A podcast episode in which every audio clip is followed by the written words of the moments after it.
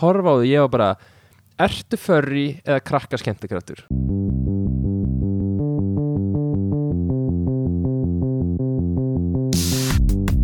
Halló er eitthvað að frétta? Já það er ekkert að frétta. Já það er ekkert að frétta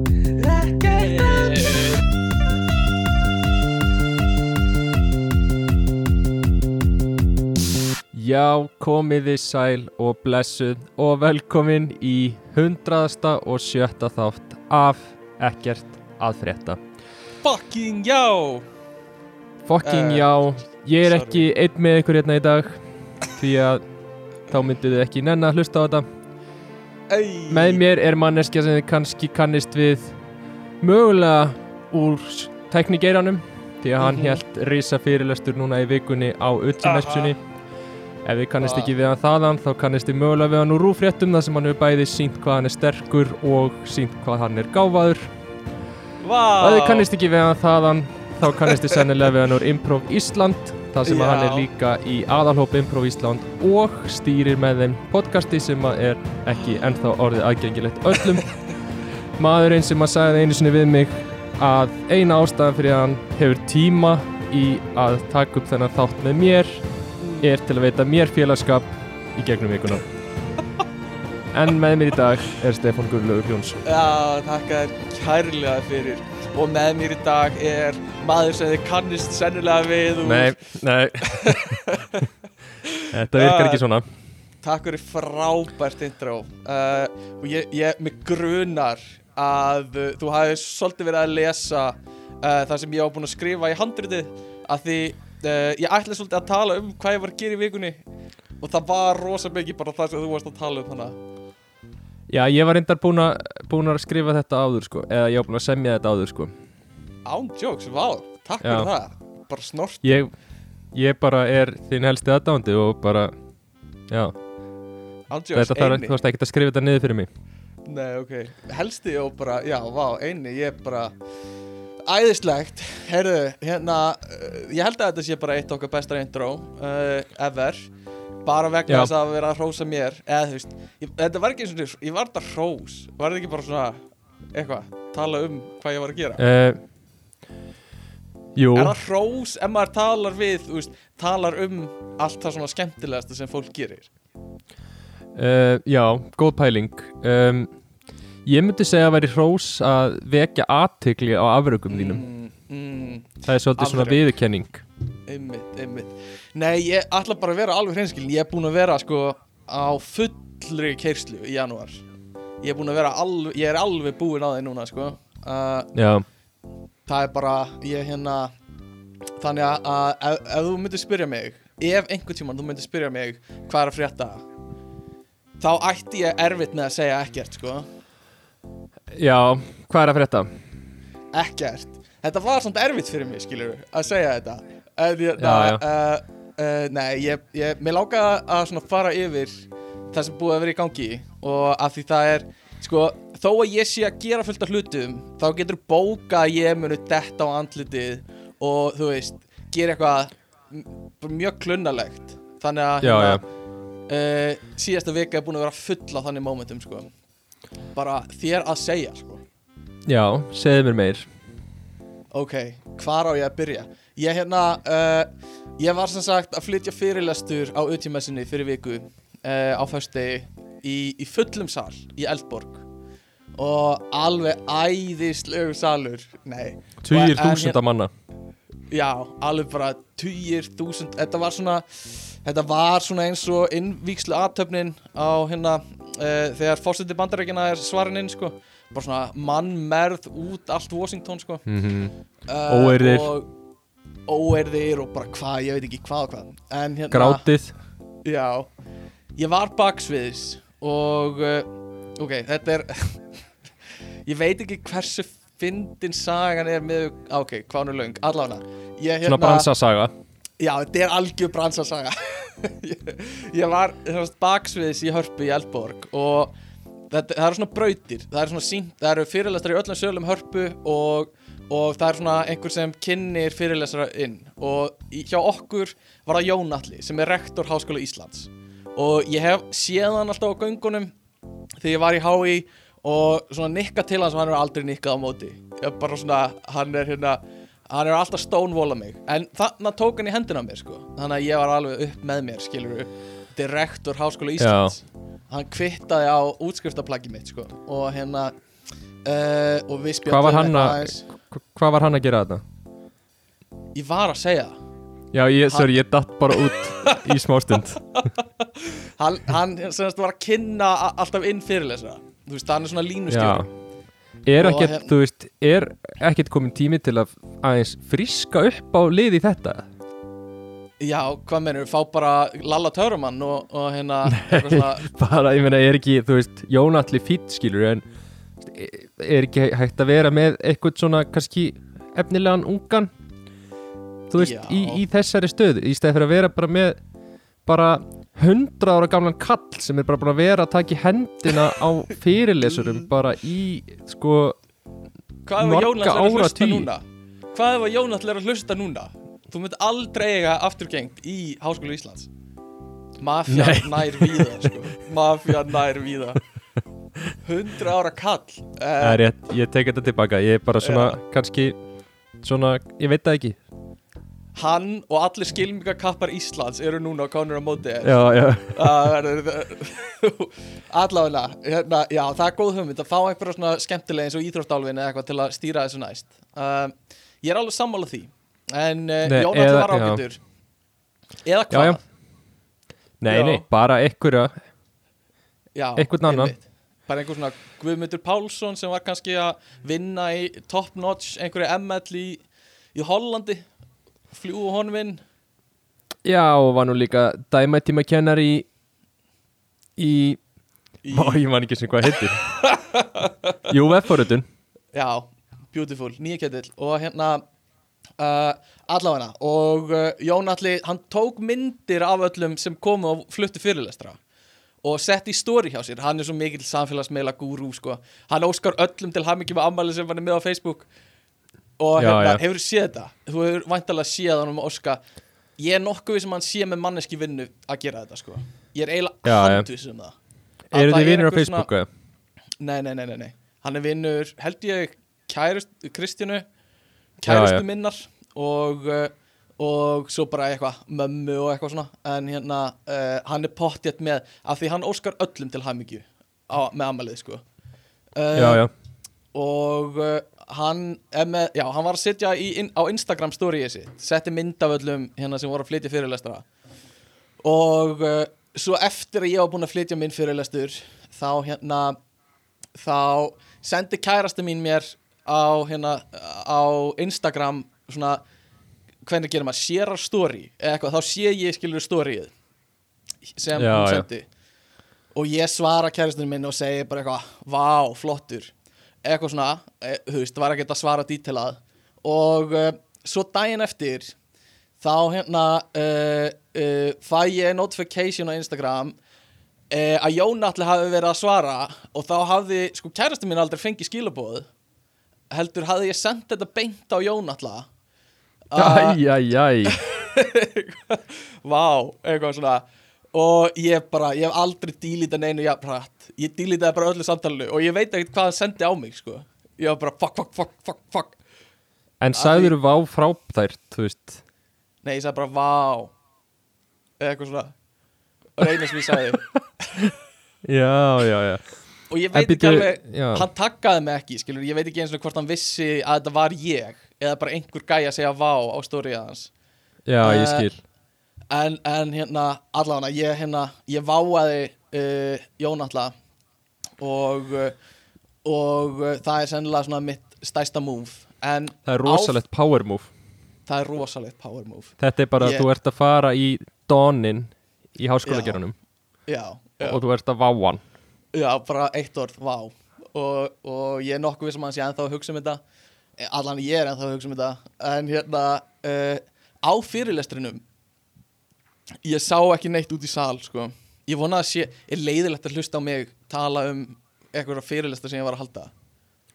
Uh, Nei, ok, ok, hérna þið bara þá spólið áfram með eitthvað. En ég var að frussa svo mikið á fyrirlestrinum uh, Já, og ég veit ekkert hvort að fólk sá það en ég sá bara svona gusa úr mér.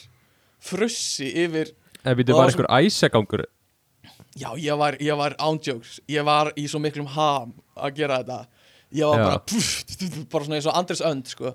og uh, og ég sá bara það var svona ég sá drópana svona alltaf myndast á gólfinu og ég bara, ég skil ekki hvernig ég framleitir svona mikið munnvatn sko Já og, og hérna, ég sá ekkert út í sal það voru svo sterk ljós Var þetta ekki Að bara hérna- gufuvílin? Jú, já, þú meinar að ég var með svaka sjó sko, ég var með Final Countdown og ég labbaði inn og guði vel og, og hérna bakdansara bakgrunnsdansara og eitthvað. Um, en hérna, nei, þetta var mjög skemmtilegt. Og, og ég var stoppað nokkuð sinnum þegar ég var að labba svo bara í hörpu eftir þetta. Og uh, ég strax kom með uh, svona áhuga á að fá mig að tala á, á annar ráðstefnu. Uh, viltu giska hvaða ráðstefna það er? Það var eiginlega síðasta ráðstefna sem ég bjóst við Er það?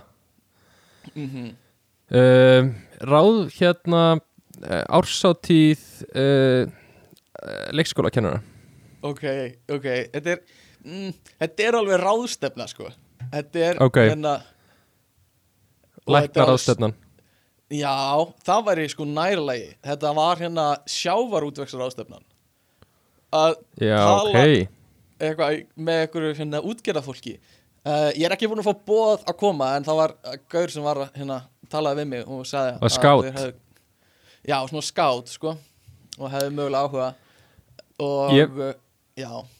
Ég var sko með eina pælingu um hennar fyrirlestur eður uh, Fyrst að get ég heyrt hennar fyrirlestur eitthvað stöður Ekki Eh, nenni, því, ég er rosalega upptekinn. Já, já, já, já, nei, nei, nei, þú nennir ég alls ekki. Hann var tekin upp, en ég veit ekki eh, Mér skilst að ég að byrta einhvern tímann En ég veit ekki alveg hvenar, eða hvað. Ok En hinn pælingi mín var sko að þú settir þarna myndaðir Já, uh, Það sem þú ert alveg ofbóðslega lítill Miðað við Mhm. hennan ógeðslega stóran skjá sem er þarna. Þetta er alveg já, geðveikt stór skjár. Já, Og svo stendur, þú veist, bara á skjánum Hvað Mhm. er gerfigreind já, já, já, já. En ég bara vissi ekki. Ógeðslega stór Stór Já. spurning Já, Á geðveikt stórum skjá. Mhm. það Og ég var að hugsa bara, Er einhver í salinu sem getur sagt mér það? Annars ertu bara ekki með neitt efni. Já, já, bara, ég eitti öllu fyrirlestur Bara hver, bara veit ekki.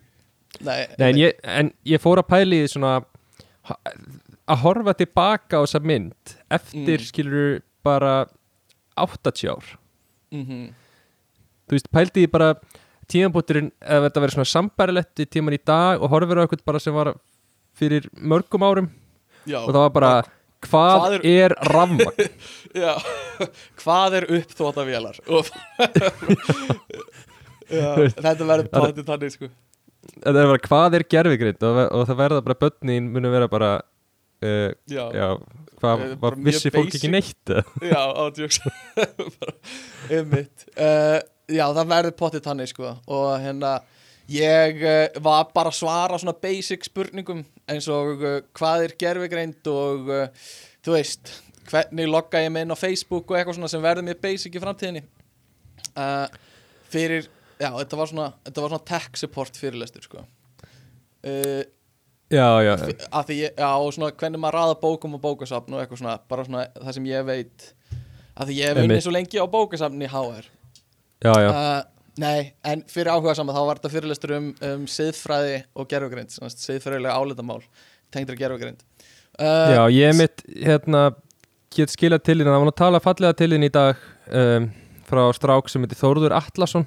Já, sem var að tala um hvað þetta hefði verið flott hjá þér að, eða, hann, ég veit ekki hvort hann sá fyrirlestur en var að tala um hvað hefði verið flott hjá þér allavega að haldið hennar fyrirlestur þarna út í messunni.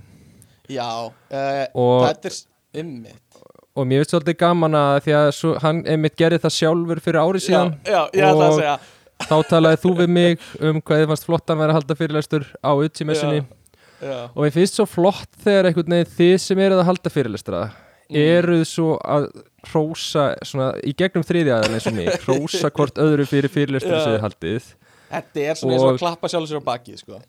já og svo, svo skrifið þið á LinkedIn og takkið Mhm. hvort annað yfir það hvað eitthvað fannst flott þetta og, hvað var, hvað var gaman að hitt getur við rætt aðeins, ok. Þú þú hérna þú postaðir fyrsta posturinum á LinkedIn. Já, minn fyrsti LinkedIn postur, og ég, þú veist, mér finnst það flott hjá þér. En það er bara það, þetta er svo lítið þú allt sem þú ert að segja það, ég og veit ég bara, mér fannst bara mér fannst svo magna að sjá bara þegar þú veist að Já. Takka fólk og þakka því fyrir að hafa átt samtal baksvið, skilur þú Ég veit það, ég veit það. pældi ég að gera þetta bara þú veist, ef ég myndi setja status á Facebook bara hver skipt sem ég finnir í bæ og ég væri bara að takka allara og þakka þeim fyrir Mm. samtalið Já, sem við áttum á reykingasvæðinu. Einmitt, Já. uh, Þetta er svolítið þannig sko. Ég, hérna, ég er alls ekki þessi típa sko. Uh, En ég hugsaði bara ef einhvern tímann Þá þarna. Þannig að ég fekk bara Kristjánu til að semja fyrir mig LinkedIn status Og, Já, já. Hérna, og ég bara, ok, ætla ekki í því Hvað típa ég er eða eitthvað. Ég postaði bara Og svo hafði ég verið taggaður í svona LinkedIn status með sérst, konunni sem eða stelpunni, já konunni sem, sem ég var að spjalla við baksvið sko. þannig ég hugsaði ég get ekki sett status og ekki gert þú veist sama. Er það ekki smá diss svo, en þú svo takkar einhverja fleiri sem sennilega síðan gera líka status eða ekki? Og takka jú, þig? jú, jú. þetta er bara þetta er svona Herbalife. Já þetta er algjört hörpalæf þetta, þetta LinkedIn dót sko.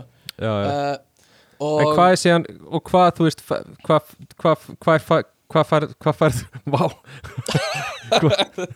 Ertu intimidated núna? Ég er bara ég veit sami ekki hvernig ég gaur var og að tala var, við sko. lengur. Ég ég er bara er ég er sami svo, gaur sko ég er svo reddum og takkið mig á LinkedIn eftir hennar þá uh, en ég meina hvað hvað tekur svo þú veist þegar þú postar á LinkedIn mm, mm, og ég veit alveg svar mér langar bara svona að heyra frá þér skilur ok, ok. Hvað er markmiðið þitt skilur ert að reyna að byggja upp svona svona, svona karrierpersonu er þetta til að fá Já. betri laun mm, eða, eða bara til að aðrir viti að þú sért ekki failure? Mm, ég veit það ekki alveg. Sko, uh, mikið af þessi er bara svona skildurækni eitthvað svona, þetta er það sem maður á að gera eftir svona. Uh, þú veist, þetta er einhvern veginn þú færði ekkert borgað fyrir að tala á UTMS-unni ég veit ekki hvernig það er í öðrum ráðstefnum hvort að þau borga einhverjum kannski borga þeir stóru hérna fyrirlesurunum, svona keynote fyrirlesurunum eh, eða eitthvað svoleiðis en, en það er alltaf ekkert borga þarna þannig að þú veist, það eina sem þú ert að fá út úr þessu er bara að deila þekkingu sem er náttúrulega mjög göfugt og svo hérna að tengslanetið, þitt, skilur við sem er náttúrulega mjög göfugt. Það er ekkert göfugra heldur en að deila þekkingu. uh, nei, nei. Ah, hættu þessu, hættu þessu og hérna uh, ég sé eftir að hafa sagt þetta sko. en hérna uh, þannig að þú veist, þetta er einu sem þú getur eða þú veist, sem þú farð eitthvað svona út úr þessu er að stækka tengslunetið þitt. Uh, Já, ég veit það ekki. Fyrir tengslanetti mig- maður. Já, ég veit ekki, fyrir mig var þetta líka bara svona eitthvað bara, þú veist, challenge að sjálfa mig sko, ég veit ekki. Bara Já. prófa eitthvað nýtt uh, aðalega uh, fyrir LinkedIn já, já já, já, að búa til einhvern svona persónuleika, ég veit ekki, karakter. Ég er náttúrulega líka með orða á því að vera svona einhver gerfegreita gaur í, í hérna, greinilega í, í einhver, staðar á, á net, netinu. Uh, já, já, og förum ekkert nánar út í það en svona þetta er partur að því að viðhalda þeirri, þeim status. Ég er algjör já, mér finnst það mjög skrítið sko af því ég er ekkert svona e, e, eitthvað klár sko. Uh, nei, algjörlega ekki. En hérna allavega, við förum ekkert nánar út í það það er hérna Nei, en hérna uh, Já. Nei, nei, ég er svona, en í fullri alvöru þá finnst Já. mér bara, mér finnst mjög flott þegar að halda svona fyrirlustur og ég Mm. bara ber mikla virðingu fyrir því uh, Ég persónlega, þú veist, getið þetta ekki Nei, þú veist, ég bara, þú veist, þetta er bara, þú veist kannski, já ég held þú gætir þetta alveg sko uh, þetta er miklu veist, ég gæti þetta alveg Já, en, já, en ég já. bara svona, þú veist, ég legg ekki í þetta þannig að ég bara, mér finnst mjög vel gert þegar að leggja í þetta uh, mm. Mm. og mér finnst bara flott þegar að setja á LinkedIn sko, mér finnst bara svo gaman að gera Já. grína þessu af því að þú já, veist, af því að þetta er skilur, svo þammar einhvern veginn sjálfur líka spilna leik en það, samt Já. er þetta svo hallarslegt allt saman en þetta er bara svona, Einmitt, einmitt. Þetta er svona partur af leiknum. sko. Algjörlega og, og þú veist maður þarf bara greinilega að spilna leik sko, og þú veist, ógislegi samfélagsmiðlar eins og LinkedIn er bara partur af leiknum sko. uh, er eiginlega bara leikurinn Já, það er bara leikurinn sko. uh, En allavega, ég er svona að dílóta svolítið eftir, eftir erfiðan janúar. Já, ekki erfiðan, bara svona pakkfullan janúar. Viðburaríkan Viðbröðaríkan Ég er náttúrulega að byrja að sína líka með improv sem hefur verið mjög gaman. En að gera það á sama tíma og ég er að byrja nýri vinnu og að hugsa um hennar fyrirlestur er alveg svona uh, það er búið að vera svolítið mikið hérna. Og svo er ég líka að reyna að keppa í, í liftingum þannig að þú veist, það er búið að vera mikið í gangi og hérna þetta er náttúrulega magnað bara fjöldin af hlutum sem þú ert að gera Já, Er- þú veist, mér, mér finnst það bara persónulega líka sko. ég, bara, ég veit ekki hversu sustainable þetta er sko. nei, nei, en ég meina þá tekur þú bara fyrsta burnout snemma Já, eins og við höfum talað um sko. það er fínt að taka Já, fyrir 30 það er gott að taka það fyrir 30 sko. Já, það er alveg, rétt sko. og svo er náttúrulega líka þetta podcast og fleiri podcast, það er alveg svona hú, þannig að ég er búin að öll podcastin. já, hérna, já. öll podcastin. En, en eh, mér finnst það bara ógæslega gaman. Mér, það er eina ástæðin fyrir ég tek upp hérna það er til þess að tala við þig og mér finnst ógæslega gaman að, að gera það. Um, já, já, það er eina en- ástæðan. Það er ekki tengslanit hérna. Það er mjög lítið mjög lítið tengslanett nema hérna frábæra fólki sem sendur okkur stendur skilabóð á Instagram. Það er svona já, það er, já, þau eru ekkert að fara að redda manni vinnu. Nei, kannski ekki. E, e, Já, nei, ekki nema, þú veist, Jón allir byrja að hlusta eða eitthvað. E, Ég veit ekki. Þá er ég búin að klúra því. Já, löngu búin að klúra því. En ég, semast, ég fór til að dílóta eftir þetta í, í sund og eins og ég geri og fór í allavega að fara í gufu og, og eitthvað svona. Ég fór í Vesturbælaug og það er sána í Vesturbælaug e, Ég veit ekki hvort þú vissir að því. Það er ekki gufa heldur sána vissi að því, Eh, og uh, það voru þú veist, þar voru allir svona naktir inni. Nei. jú, jú, sem er bara eitthvað sem er gert. Uh, og ég var kannski ekki beint tilbúin í það sko. Uh, og, og ég svona, ok, ég fer bara allir klætti múr öllum fötunum og, og fer inn í sánuna og það eru svona gamall kall sem situr hana og tekur hressilega á móti mér og svona með góðu augnaráði. Og ég sest niður bara beint á bossan uh, og, og pungsa á hérna á bekkin og þá segir hann við mig að hérna ég á að vera með hangklæði undir. Uh, semst, maður á að sitja á hangklæði sem ég vissi ekki. Uh, þannig að, að ég þurfti að fara fram og uh, fara aftur í sturtuna sem er hjá sánunni með svona skotta á milli lappana. Það var, alveg, það var fólk í kringu og það var alveg greinilegt að ég var nýfarin inn og nýkomin út aftur sko. Uh, alveg nakin þurfti að klæða mig í sundskiluna mína farin í klefa, ná í hangklæði og koma tilbaka og hérna og settist aftur niður í gufuna. En þegar ég settist aftur niður í gufuna þá voru aðrir gæjar sem voru naktir án hangklæðis finnst þér þetta í lagi?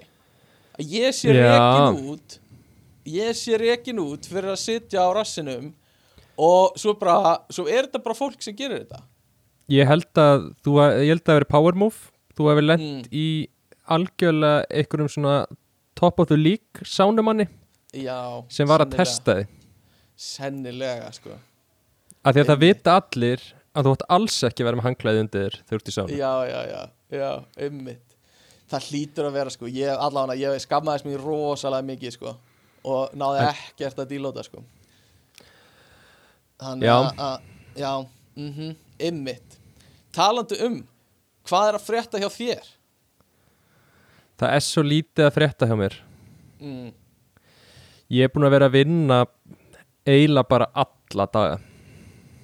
Úff, uh, já, þetta er önnur, önnur leið til að fara í burnout sko já, en ég er líka eins og ég segi við, ég, bara, ég ætla að fara að snemmi í burnout.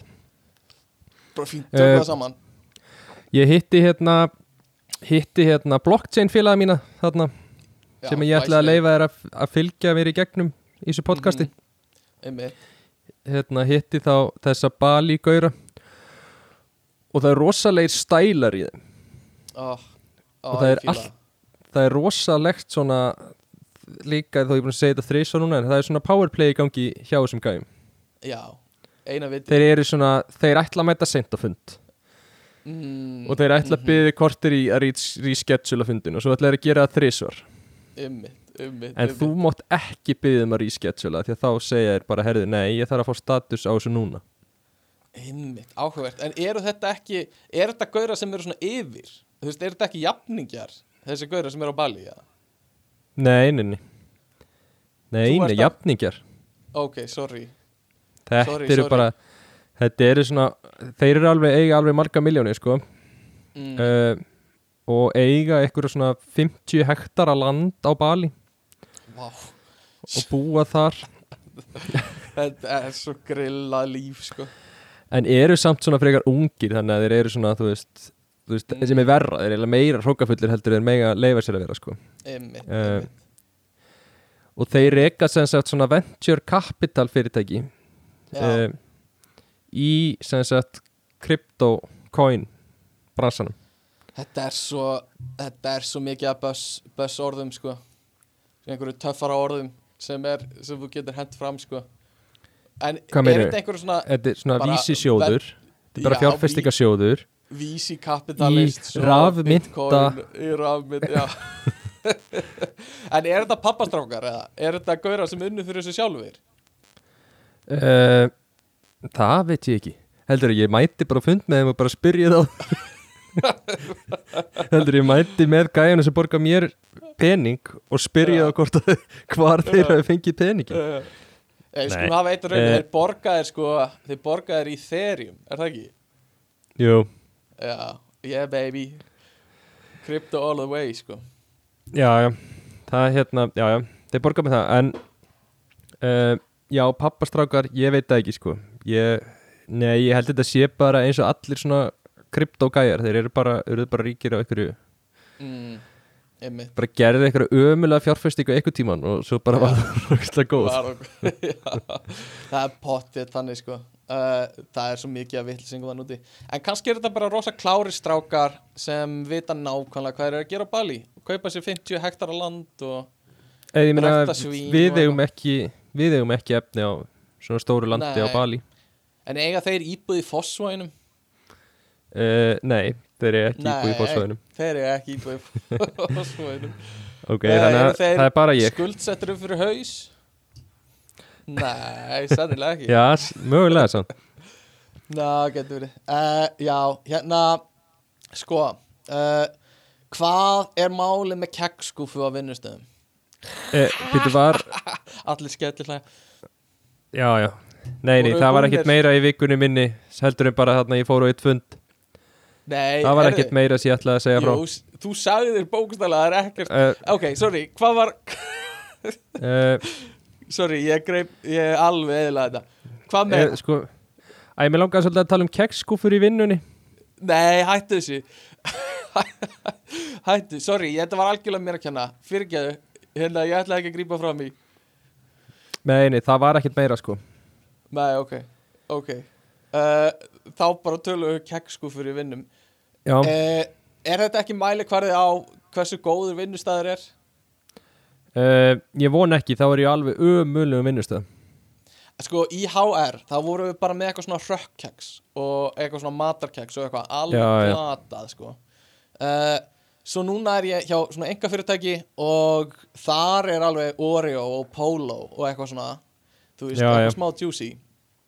Ég, en, og maður hefur heyrt að Google sé bara með, þú veist, bara flæðandi í einhverju kremkeksi og eitthvað, sko Þetta er bara svo slæmt fyrir heilsuna á fólkinu.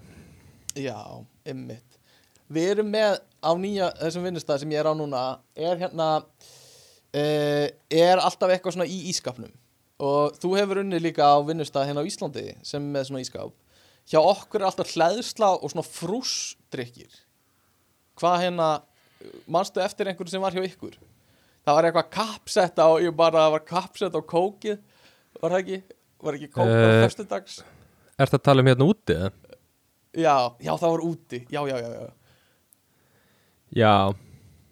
Já, nei hérna úti er bara er allt stútfullt af Heineken. Einmitt einmitt. Og Það er, er náttúrulega bara krananum sko. En það er eiginlega bara aðalega það. Rosa mikið vatn með svona einhverju svona berjum og sítrónum og eitthvað svona. Mm, og mikið því. Einmitt, einmitt, einmitt og mikið hotlust á vinnustöðunum mínum sko. það er svona einhvern veginn, það vantar svolítið svona einhvern veginn sukk umfið í þetta allt saman. Það er bara Holland og, og það er alltaf einhver svona, einhver svona íþrótta, einhver svona mánar challenge í gangi, eitthvað svona nú ætlum við öll að gera tíu arbeir á dag og Ok. Vist, á föstu daginn ætlum við að hoppa byrja morgun og hoppa út í síki í ykkur kuldanum og eitthvað svona þú veist. Vá og þetta heitir alltaf eitthvað hashtag eitthvað. Já, já, já, já. Er Ok, það er bara, ég meina, það er bara geðveikt sko. Ég myndi alveg segja það, Það- Þetta, já, þetta er bara hashtag eykur, just do sko, it. Hashtag just do it uh, Og bara eigur bara productivity uh, Herðu, ég bara Getur þú fyrirgefið mig fyrir að grípa fram mig fyrir að ráðana? uh, já, ég get það. Ok, takk Ég, hérna, ég bara var svo hrættur um að, að það væri að koma þögn sko. Það er svona 50% af, af mínum uh, áhyggjum alltaf er, kemur þögn einhvern tímann í podcastinu. Já, eins, einmitt. Mm, Er- eins og núna. þannig að þegar að ég á svona frekar erfitt með að Já, koma orðunum frá mér. Mm, Já, ég bara, Þá- bara tauga hrúa sko. Getur skelfilegt, það sko. Þetta er alveg á. Nei, sko uh, einu, ég skal segja hvernig ég er að hugsa þetta. Þegar við erum að taka upp þá er það eina sem ég er að hugsa þegar þú byrjar að tala er hvert ég á að fara með samræðina næst. Það er frábær Já, og bara þannig að til þess að reyna að fá þér til að flæða betur þá, þá eigði ég rosa mikill orku í bara svona að reyna að grípa alltaf og hlusta og reyna að passa að flæða alltaf á einhvern stað já, og það er taka þetta upp í gegnum neti gera svona, að gera aðeins skrefi erfiðara fyrir mig að predikta hvað, hérna, hvað ég á mikinn tíma inni já, mér finnst það samt voða flott sko. það, ég, þú ert svona jörð fyrir mig mm, mm ég hef ekki alveg stjórn á þessu sjálfur og tala of Nei. lengi með eitthvað leiðilegt og tala Nei, hægt og ekki. í ringi og aldrei myndir aldrei tala um neitt leðilegt um, Herðu, ég er með eitt sem ég langar bara svona að nefna í, í lokin frá mér. Áður en við gerum það, eigum við að segja hvað rauðin dagsins er? Já, það er Amstel. Það er Amstel. Uh, skýrður eftir á sem er ennur í gegnum Amsteldam. Amstel, skýrður eftir á sem rennur gegnum Amsterdam. Slagur þeirra, minnst það bara Já. basic. Þarf ekki að vera flókið og styrtar alveg þáttans í dag eru trúðar. Ói, eitthvað svona, trúðar. Uh, beautiful og uh, þá get ég farið í svona síðasta topiki sem ég ætla að ræða. Uh, búin að fara uh, svolítið hamförum hérna í dag að ræða hitt og þetta.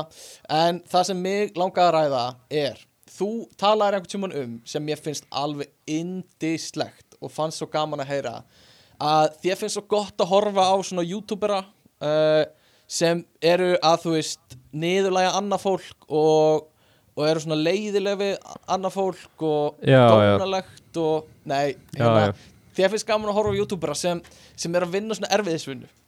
Já, og mér finnst það svo indislegt að hérna, svona youtubera sem er að grafa skurði eða Mm. byggja hús úr engu eða eitthvað og maður sér þá svona drauslast með einhverju trjábóli og það er rosa erfitt og, og, Já, og ég vafinn inn bara eins og púpa inn í sengina mína.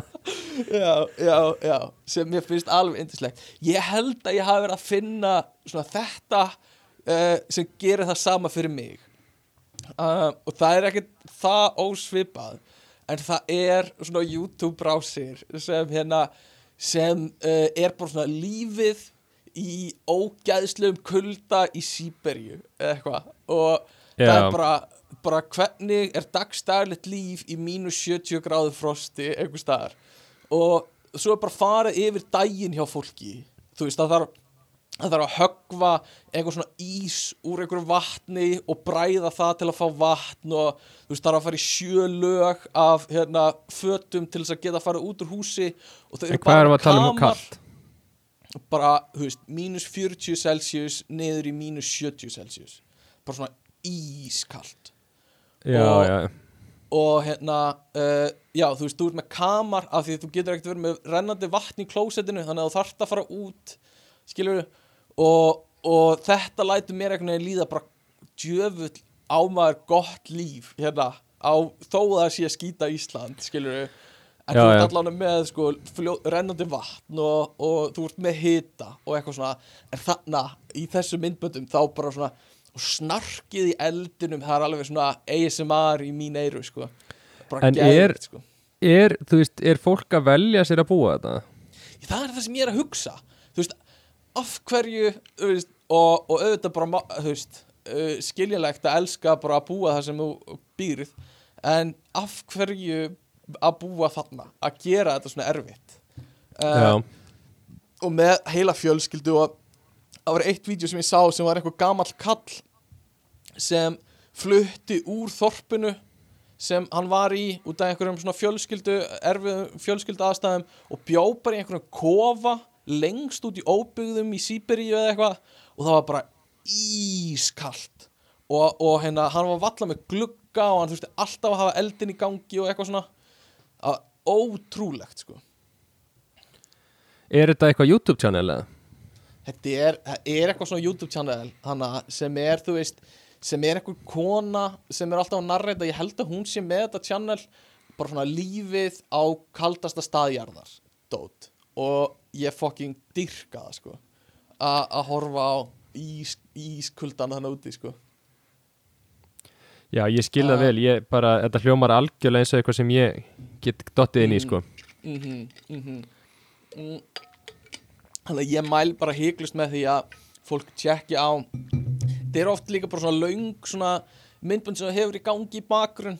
Bara eitthvað 20 mínútur eða eitthvað það sem hún er bara svona narreita lífið. Og þau þurfa að lappa í skólan í 10 mínútur. En þau þurfa að vera vel klætt því að ef þau eru ekki vel klætt þá deyja þau á leiðin í skólan bara eitthvað bara mjög casual og bara það er mjög hættulegt að lappa í skólan fyrir þau en þau gera það á hverju mótni og En, hérna, e- já, já. Er, þú veist, er ramagn ekki option eða? þú veist, ekki til að kynna allt sko. það er allt bara kynnt með einhverjum með Já, já. eldi við og, og eitthvað svona. Og ég var að horfa um daginn á þegar þau voru að reyna þú veist, þau eru með bílana sína og, og hérna til þess að starta bílunum þá þurfa þau að hita hann þannig að þú veist, hann af frjósi uh, í einhver tvo tíma. Þannig að þau svona setja bara svona kyndingar opn undir bílinn og, og einangra og bara láta bílinn þiðna. Skilur til að geta kveikt Já, á. það að bara allt er gattfreðið og bara allt er erfitt. Ótrúlegt sko Kannski er þetta bara sviðsett ó það væri, ó, það væri martröð að koma að staði En er, er- þú veist Er, ætli, er heitt á sumrin eða? það er líka eitthvað sem ég eh, væri til að vita af því það eru tríðan allt í kring það hlýtur að vera að komi tímið þar sem er einhver hittið hana sko. Já, já þetta er allt inn í einhverju skógi sko. Er hlýtur að þetta inn í vera skógi? já bara tríða allt í kring sko. og gamli Nú, no, okay. bara í einhverju skógi sko. Þannig að þetta er örgulega mikla sveiflur á, á sumar og, og vetrið hana sko. en allavega, mér finnst það geggjað sko. þetta var bara svona, mér lákaði að deila þessu með þér mm. af því sem þú hafi verið að ræða þetta sko. Já Ég, sko, ég sé bara hérna þegar ég googla í, Þú veist, það verða alveg 30 gráður á sumrin já, ok Ef ég bara já, leita að Sýberíu einmitt. það megar alveg senn sko. að hérna, uh, mér já. sé að Sýberia fær betri sumur en Íslendingar sko. Já, það nefnilega sko er ekki bóðlegt sko. En hérna stendur líka bara þetta er samt, ég veit ekki, ég meina Sýberíu er alltaf hjút sko Þetta er Já. eitthvað svo asnald að tala um ve veðri í Sýberíu En hér stendur January averages about minus 20 Þannig að það er ekki svona eitthvað þakkalt Þannig að þetta er sennilega eitthvað eitthvað svona alveg já, nýrst einhverju raskati sko. einmitt En- uh, já, já, jam, jam, jam Já, því varst að tala um sko svona veist, með gangi Hefur þú hort á hérna Mr. Beast á YouTube eða? ég hef hort á Mr. Beast á YouTube ég, Ég- horfa ekki á öll myndbundur hans en ég svona, já, fylgist svona með öðru augunu Já, ég nefnilega sko ég hefði ekki hort á Mr. Beast bara yfir höfuð bara síðan fyrir svona Ok. kannski þremur mánuðum ok ég bara vissi að hann væri hjút svo eitthvað en þú veist, Ah. þetta bara einhvern veginn heitlaði mig ekki að fara að horfa á þessu myndbönd já, svo bara einhvern veginn byrja ég að horfa á eitt myndband og horfa á nokkur og YouTube algoritmin Aha. bara byrjar að fara fullt og svo bara er autoplay og þessi myndbönd er einhvern veginn veist, þessi myndbönd er svo TikTok þannig að þú veist, Já. þú einhvern veginn veist það, það fyrir allt í móðu, þú byrjar að horfa á eitt svo Já. einu búið með fimm og veist, þetta var alltaf sama Já. myndbandið en bara annað fólk, þú veist ekki alveg fólk er annarkort inn í ring eða er að kaupa hluti já, uh, og þú veist, svo verð ég bara að skoða rásun og ég sá bara, já, býtu, ég er bara búin að horfa á bara, þú veist, bara síðustu fjögur ár bara hvert einasta myndband. Fuck! Það er bila sko. Hann, Og þú veist- hann er snillingur í að gera myndbönd áhorfanleg. Þú veist, hann er bara búin að besta einhverja formúlu til að gera myndböndin sín bara svona consumable sko. Já, já. Sem er rugglað, sko. Já, ég sá ekkert sem viðtalega sem hann var að tala um þetta og var eitthvað þú veist, hann veit bara hvernig tilfinningu þú veist, hann veit Mhm. hversu quick klippingarna þurfa að vera og þú veist, hvað hann vil fá, þú veist, hvað pönslani þarf að koma snemma og eitthvað svona. Eða Einmitt. pönslani, þú veist, hvernig allt þarf að koma inn. Og líka eitthvað svona balans á milli, já, þú veist fáum eitthvað tilfinningaríkt hérna fáum eitthvað aksjón hérna, fáum eitthvað grín hérna, eitthvað svona. Þetta er rosalegt, sko. Og svo textar hann allt með svona hröðum textum sem er bara svona þetta er algjörlega fyrir ADHD heila sko bara svona til að Já, já. halda einhverju gangandi einhverju hreyfingu skjánum og, og hérna náttúrulega bara gífurlegi peningar sem hann dælir í myndböndin sko sem er Já, já. bara ótrúlegt sko og þú veist hann, hann nýjasta myndbanda sem mjög nýlega þá var hann að- hjálpa einhver þúsund manns að fá að sjá aft, í fyrsta skipt, eða ekki fyrsta skipt aftur uh, þetta er eitthvað svona sjúkdómur sem er hægt að leysa með mjög auðveldri 15 mínuna aðgerð sem margir fá þá, svona tapast sjón hægt að róla uh, Þetta er ekki bara skí á augastinni Jú, bara skýja augustinni, mamma henni er nú auglagnir uh, Ég veit ekki hvað það skiptir máli. En hérna Hérna uh, Hann, já, semast fær fólk til að koma í mynd Og taka mynd að þeim vera, þú veist, viðbröðun og eitthvað svona. En hef, og einhverju voru að gaggrýna þetta hjá honum að Þú veist, þú veist að exploita sjúklinga með því að gera þetta Að, taka myndbönd af þessu og, og eitthvað svona Hvaða skoðun hefur þú á því?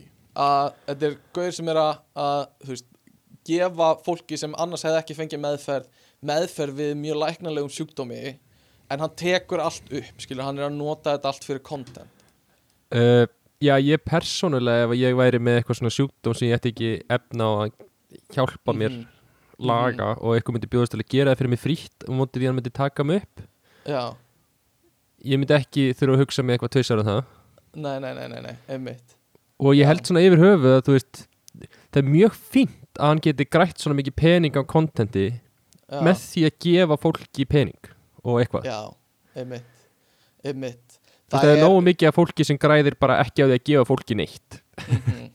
algjörlega. Og þetta, þetta er samt svo rugglað eitthvað svona, eitthvað svona hvers, þetta er soldið svona þetta er soldið svona hversu uh, mikið viltu selja sálina eina fyrir pening? Þetta er svona smá einhvern veginn svona experiment á the human condition sko, öll þessi myndböndans þar sem þú ert eitthvað svona getur þú verið ein, inn í sama húsinu í hundra daga? Eða hversu lengi getur þú að vera með hendinni á þessum bíl fyrir pening? Þú veist? Já, já, og, og þetta er svona, þetta er rosalegt bara svona, uh, já, bara nálgun og, og rannsókn á bara, já, menn, bara svona hvað fólk gerir fyrir peninga og í aðstæðum magnað, heldur að þú sko. myndir þú veist, myndir er, er eitthvað svona sem hann hefur gert þú veist að lýsa Mm. þessu, setja, halda hendinni inn á bíl eða vera inn í Já. húsi eða eitthvað svona Já, þú veist, eru hlutir þetta sem væri bara beint nei fyrir því uh, ég veit það ekki af því, þú veist, hann er búin að hann er að hækka líka svo mikið peningana sína undarfærið, sko, bara eitthvað svona þú veist, hann er að gefa kannski 200 miljónur íslenskar eða eitthvað, fyrir, fyrir 100 daga af lífiðinu, skilur við er, eru Já, 100 já. dagar af lífiðinu til sölu fyrir þetta, þennan penning uh, þú veist þú byrði í Sýberíu örugla já, já og maður myndi maður myndi alveg hugsa um það sko. Og, og hérna ég veit ekki þú veist, það er ekkert þarna kannski sem er eitthvað það er ekkert þarna sem er eitthvað hræðilegt. Það sem hann er eitthvað niðurlæga fólk sko. Nei, ekkert nei. þannig sko uh, ég veit ekki, mér það bara mjög áhugavert allt saman við þetta sko. Og ég get ekkert sagt að ég myndi ekki taka þátt eða taka þátt í einhverju á þessu sko. Uh, En pældi líka hvað þetta er samt klikka, hvað fólk er bara þú veist, hvað við erum tilbúin að gera mikið fyrir pening. Mm, mm Þú veist, það er, það er alveg rosalegt hvað, hvað við nennum að taka á okkur fyrir það. Það er, það er það sko. Og já, það er bara ótrúlegt sko. Og þú veist, og náttúrulega í bandarækjunum ég veit ekki hvort það er eitthvað verra þar en einhverstar annar staðar en, en hérna fólk er mjög til í þetta þar sko. Að, að allt svona og þú veist allir líka, allir keppnistættir í sjónvarpinu þú veist, það snýst allt um að vinna hana pening þannig að pappi getur farið aðgerð eða bróðin fái því að eitthvað, þú veist fá nýtt hjarta eða eitthvað svona sem gerir Já, þetta samt svo eitthvað svona exploited, eða þú veist, þú ert að nýta þér uh, eitthvað svona Lélegt heilbriðiskerfi já, og bara neyð annara einhvern veginn til að skemmta fólki og eitthvað. Uh, að ég veit ekki, en þetta, þetta er mjög áhugavert og, og magnað og bara fínt channel. Mér, hann verðist vera bara mjög jákvæða gaur sko, og bara frekar hólsam svo kemur örugglega upp einhver svona skilabóð sem hann var að senda á, á unga stelpur eða eitthvað eftir nokkur ár það eru allir sem lend, eru einhvern veginn cancelaðir sem maður heldur að séu uh, jákvæðir sko. Já, já. Það er, það fylgir þessu. Já, það En- fylgir þessu, maður tekur því bara. Uh, Við ætlum ekki að tala um það. Við ætlum ekki að tími að tala um tala um Oj, YouTube og, og bara keks. Mundi uh, aldrei Mundi aldrei. Sko, við ætlum vorum umræðefni að við ætlum að tala um trend Ó, til í það. Hljómar vel. Og ég svona, þegar ég hugsa trend mm, þá hugsa ég í rauninni bara eitthvað sem er í tísku en mm, samt ekki fatatísku.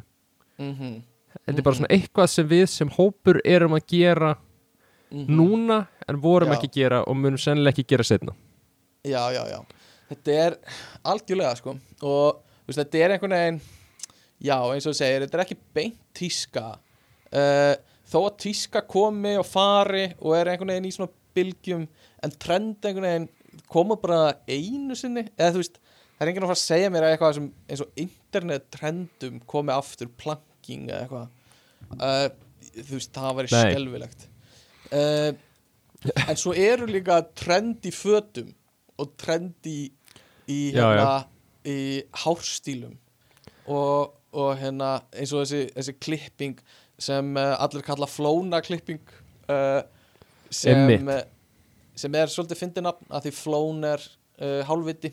En hérna flóna klipping ég var bara ég var með tveimur manneskjum hittið þær og þær höfðu bara sama dag farið og fengið sér flóna klippingu bara óháð hvort öðru eða hvorum öðrum og hjá sömu manneskunni uh, bara með hálftíma millibili það er, að því það, þú veist og sem segir mér bara, það eru allir að gera þetta. Eða þú veist, bara hálfgrilsastofur eru bara, bara defaultið hjá þeim er að gera þessa klippingu á fólk. Núna. Er, er, er, þetta, er þetta ekki búið það? Sko, ég skal segja það. Þetta er, hérna, þetta voru kallmenn sem voru yfir þrítugt og með grunar að tískan sé núna að færast svolítið upp skilur og krakkarnir já, og krakkarnir sé að hætta þessu en uh, ungu kallmennir sem eru svona milli þrítugs og færtugs halda að þetta sé uh, en þá það heitast það í dag. Eða eitthvað, er að því að, þú veist, Flóni var hann ekki cool, þú veist, fyrir alveg svona 5-6 árum eða? Úff, jú, sennilega, fyrir COVID eru glæð sko. Þannig að, Já, það er mjög fyndið uh, en kannski er þetta eitthvað sem má bara eftir að halda sér. Ég veit ekki, von ekki. Uh, gæti verið. Ég held að, ég, já. En ég var líka í öðru, sko, því að Flóna hárgræslan mm, er, þú veist, þetta er ekki íslenskt. Nei. Er, er, er það nokkuð? E, þú veist, nei. En þú getur svaraði sannlega betur en ég af því þú ert í kringum cool fólk í Hollandi og frá alls konar löndum. Er fólk að nota þetta í kringum þú- já, já, reyndar, sko. Ég Það að er alveg sama þú veist, þetta er, já, öllum vildu partíunum Það mínum er maður. fáralega sögurnar hlustendur sem ég heyr á partíunum sem Gummi er í. Það er ótrúlegt hvað hann er að gera sko. Já, já, Það er bara, hann er með bleiur jú, og eitthvað svona, ég segi ekki meira sko Það er bara, já. Uh, nei, en jú, það er alveg rétt sko. Ég sé alveg svona svipað tísku hérna líka með, þú veist, eins og hérna uh, hvað heita svona, svona tösk, eða svona svona töskur svo með yfir öxlina. Já, Svona- átt, þetta er fanny pack Þú átt að vera með þetta sko já, í bumbunniðinni já, já, sem þetta er alltaf, þú veist, heitir ekki lengur er það, uh, jú, það heitir ætla eitthvað svona man, man nei, Mér er alveg sama, ég ætla bara að kalla þetta fanny pack og hérna, já, já, og þau verður bara að díla við það. Jú, það er út um allt, sko. Ætli að Það er séu svolítið fyndið. Þú veist er núna ef ég fæ eða, Mm. ég get ekki fengið mér svona en þú veist, Nei. ef flóni til dæmis myndi ákveða núna að snú henni venjulega Já, já og nota hana svona eins og girti pappin í Mhm. utanlandsferð með fjölskyldunum sinni Mhm. væri það þá kúla því að veri öðruvísi eða þú veist, ert svolítið er það? Já, ég held það, sko Ég held þú getur alveg gert það cool, sko Og hérna, ekki nóg með það, sko Þá hérna, uh, þá held ég að alltaf í svona aðstæðum þegar þú getur gert eitthvað sem er smá hallarislegt en þú púlar það með sjálfsöryggi uh, og ert með eitthvað smá status þá gerir það cool, sko. Já, svona. já. Er, það er miklu betra utility í því að hafa þetta svona mi- mittið bara já, þú veist, já. skilur, að vera með þetta svona yfir öxlina er, þetta er svolítið vandaralegt þegar þú þarft að ná í eitthvað. Og það er allt svona hálf að dett út þannig að þú svona liftir undir og heldur einhvern veginn aðeins í? Það verður Ah, kjánulegt góð sko.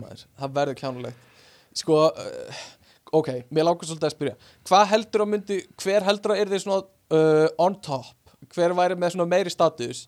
Ef þú myndir taka út úr tíma bara og, og færa uh, einhver svona algjör algjör svona A-töffara frá 2006 sem var með, þú veist, nakkagreiðsluna og aflita strípur og eitthvað svona frosted tips og með eldskirtuna og eitthvað svona eldsólgleru og eitthvað svona algjöran A-lista töffara frá, frá þú veist, 2006-7 og myndir láta hann í herbeggi með eitthvað svona kúlgaur í dag, svona gún með flóna klippingu og eitthvað í dag.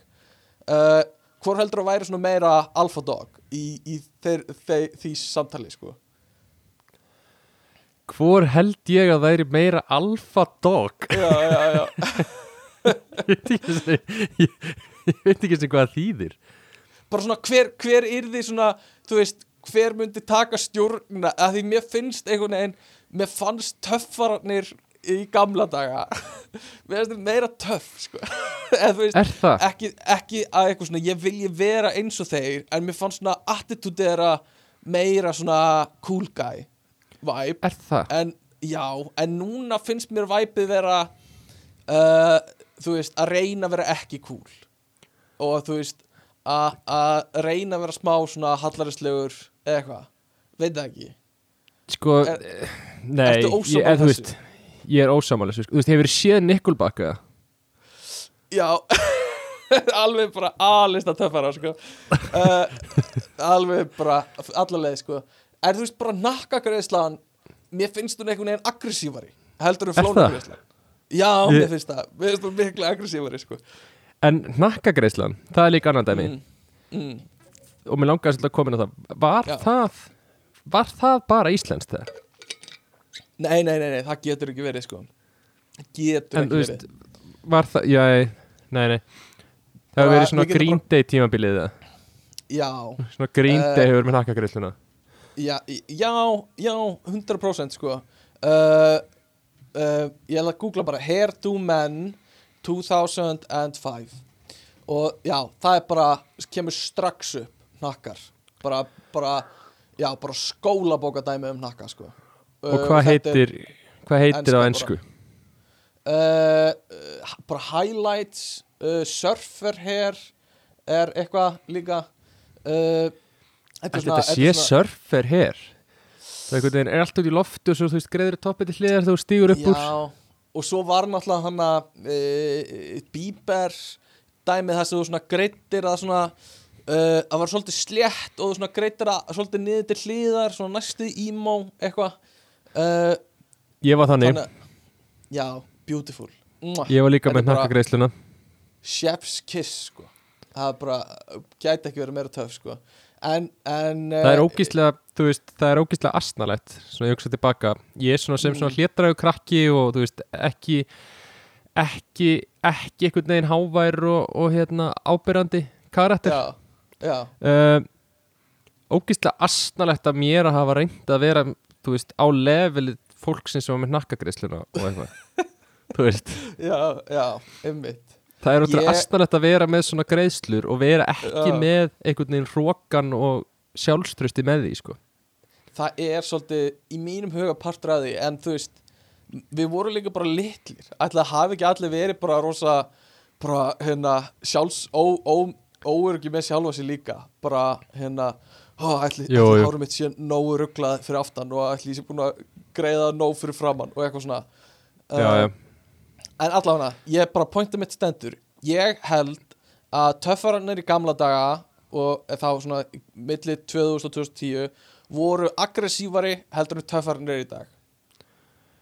Ok Já, ég Svona bara aggressívari töffarar. Þó ég veit í dag þá ganga krakkar um með hnífa og eru að stinga hvort annað í einhverju leikjum og eitthvað. En hérna, uh, bara svona heilt yfir þá voru töffararnir í gamla daga aggressívari. Kannski var það því ég var yngri en, en allavega ég, Já, nei, ég held að geta alveg verið. Ég held að uh, Það var líka, þú veist, það var önnur Þetta fer líka svolítið eftir það, það er alls konar svona að, önnur tíska sem kemur inn í annað heldur en bara hvernig hún lítur út. Mm, Ég held líka svona á þessum tíma það var miklu meira töff að vera svona alveg bara svona djamma harkalega í áfengi. Mm, mm. þú veist í dag er þetta svolítið svona reykja gras og þú veist taka eitulu meira Já, já, sko nakkarnir, ég get ekki séð mikið að þeim vera að reyka gras sko. það er svona ekki alveg svona, svona stemming sem fæ á nökkunum sko. þeir eru svolítið svona- svona, bjór já. bara já, og bara verða aggressífur og lendi slag og eitthvað svona frekar en að reyka gras já, já þannig að En, þetta eru þetta er alls konar trend sem fylgja þessu mm uh, Góð spurning, hver er munurinn á tísku og trendi? Ég bara, já, svona smá erfitt með að tíska, ég held ég geti sagt tíska er búin til af fólki en trend er kannski eitthvað sem skapast svona sjálfkrafa. Já, því ég já, já, ómeðvita að því ég held sko að svona uh, tíska er náttúrulega pælir í, þú veist, við notum þetta í íslensku orðið tíska. Mm. en hvað myndur segja að vera ennska orðið við tísku? Fashion sem er samt, það er, er kannski alveg notað alveg eins en þú veist, fashion er bara notað yfir útlitstísku. Já, einmitt, þannig einmitt. að kannski eru við bara að nota sama orðið. Já, Þú veist, því við segjum hluti svo það er í tísku að þú veist, horfa box eða spila já, box. já, já, einmitt algjörlega, góð punktur sko. við sennilega notum þetta svolítið fyrir fleiri hluti en fashion er notað í útlöndum sko. það er mjög góð punktur sko. En næsta spurning sem er það er hvað Mm. þú veist hvað þurfa einhvern veginn þú veist, hvað þurfa Mm. margir að vera til staðar til að eitthvað sé orðið trend? Mm, einmitt, hvena verður hrúa af sandi strönd? Uh, þetta er góð Vá. spurning. Þú ert stundum svo, þú ert stundum svo mikið mannveitsbrekka ég veit það, alveg þú ótrúlega náttúrulega ert, uh, það er náttúrulega þitt helsta markmið er að dreifa vitnesku að deila vitnesku það er náttúrulega það ekki? guðvegasta sem þú getur gert sko. það er það alveg, sko, alveg guðvegasta uh, hvað þurfa margir að gera eitthvað? Sko, ég held ég held að það sé sko uh, að þetta er komið einhvern veginn í umtalið og það veit enginn hvað að byrjaði beint. Eða þú veist, þetta er orðið einhvern veginn svona stærra en einhverja manneskjur sem er að reyna að starta einhverju. Uh, svona komið svona sjálfstætt líf í hlutin uh, og Furry, furry það er ekki tíska það er lífstíl uh, ég sko já, er þetta eitthvað sem þú búin að pæla mikið í? Furry. Já, Uh, nei, en ég lappaði út um húsið mitt um daginn og ég er náttúrulega bí á torgi í miðbænum. Já, og það voru svona förri hópur. Ó, ég fucking elska það. Og voru einhvern veginn öll saman og, Mér finnst þau frábær. Og svo voru þau svona og fullt af krökku sem fannst að geta skemmtilegt. Aha. Og voru að fá einhvern veginn myndir af sér með þeim og eitthvað svona. Ah, en ég horfði á þetta og ég var bara svona þú veist og fóreldarnir eru með eitthvað svona já, já, sjáðu kissuna, eitthvað svona taka mynd, en þú veist, fyrir mér var ég eitthvað svona þú veist, ég var að reyna að hugsa eru þið, skilur eitthvað sem, Já, er þetta fólk í samfélagsþjónustu að vinna fyrir bæin eða eitthvað við það að klæða sig upp sem dýr og eiga að vera skemmtilega á torginu að spjalla við krakkana. Já. Og þú veist, ég var svona að reyna að skinja því það er klálega einhver munur á Mhm. hvenær þú ert að leika eitthvað dýr sem á að vera Mhm. krútlegt fyrir krakkana og eitthvað stemming og Mhm. þú ert bara förri Já, já, já og ég var mikið reyna að rýna og starði óþægilega lengi held ég á Mhm. þetta fólk og stoppaði á torkinu til að bara horfa á því. Ég var bara ertu förri eða krakka já. og ég er eiginlega viss um að þetta voru bara förjar þeir voru með allt, þetta voru svo advanced búningar og þetta voru einhvern veginn þessi svona áberandi augu og einhverju svona stælar í þeim eitthvað svona sleikja á sér loppurnar og eitthvað svona dót.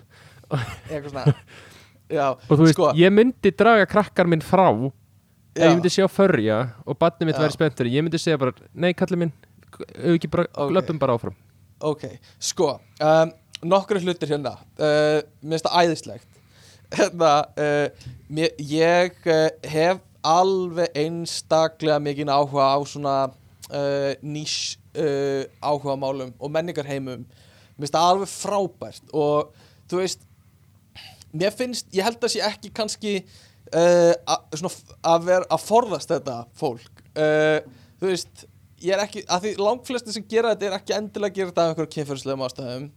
Uh, þó að margir sem eru förjar gera það þá, þá vil ég alls ekki segja að allir gera það. En hérna mér finnst magnað að þau hafi bara þú veist, voru bara út að labba í fötunum, s- í hérna múnderingunni sinni uh, og þetta eru dýri búningar. Þetta kostar, þú veist, upp undir miljón margir á þessum búningum að láta búa það til.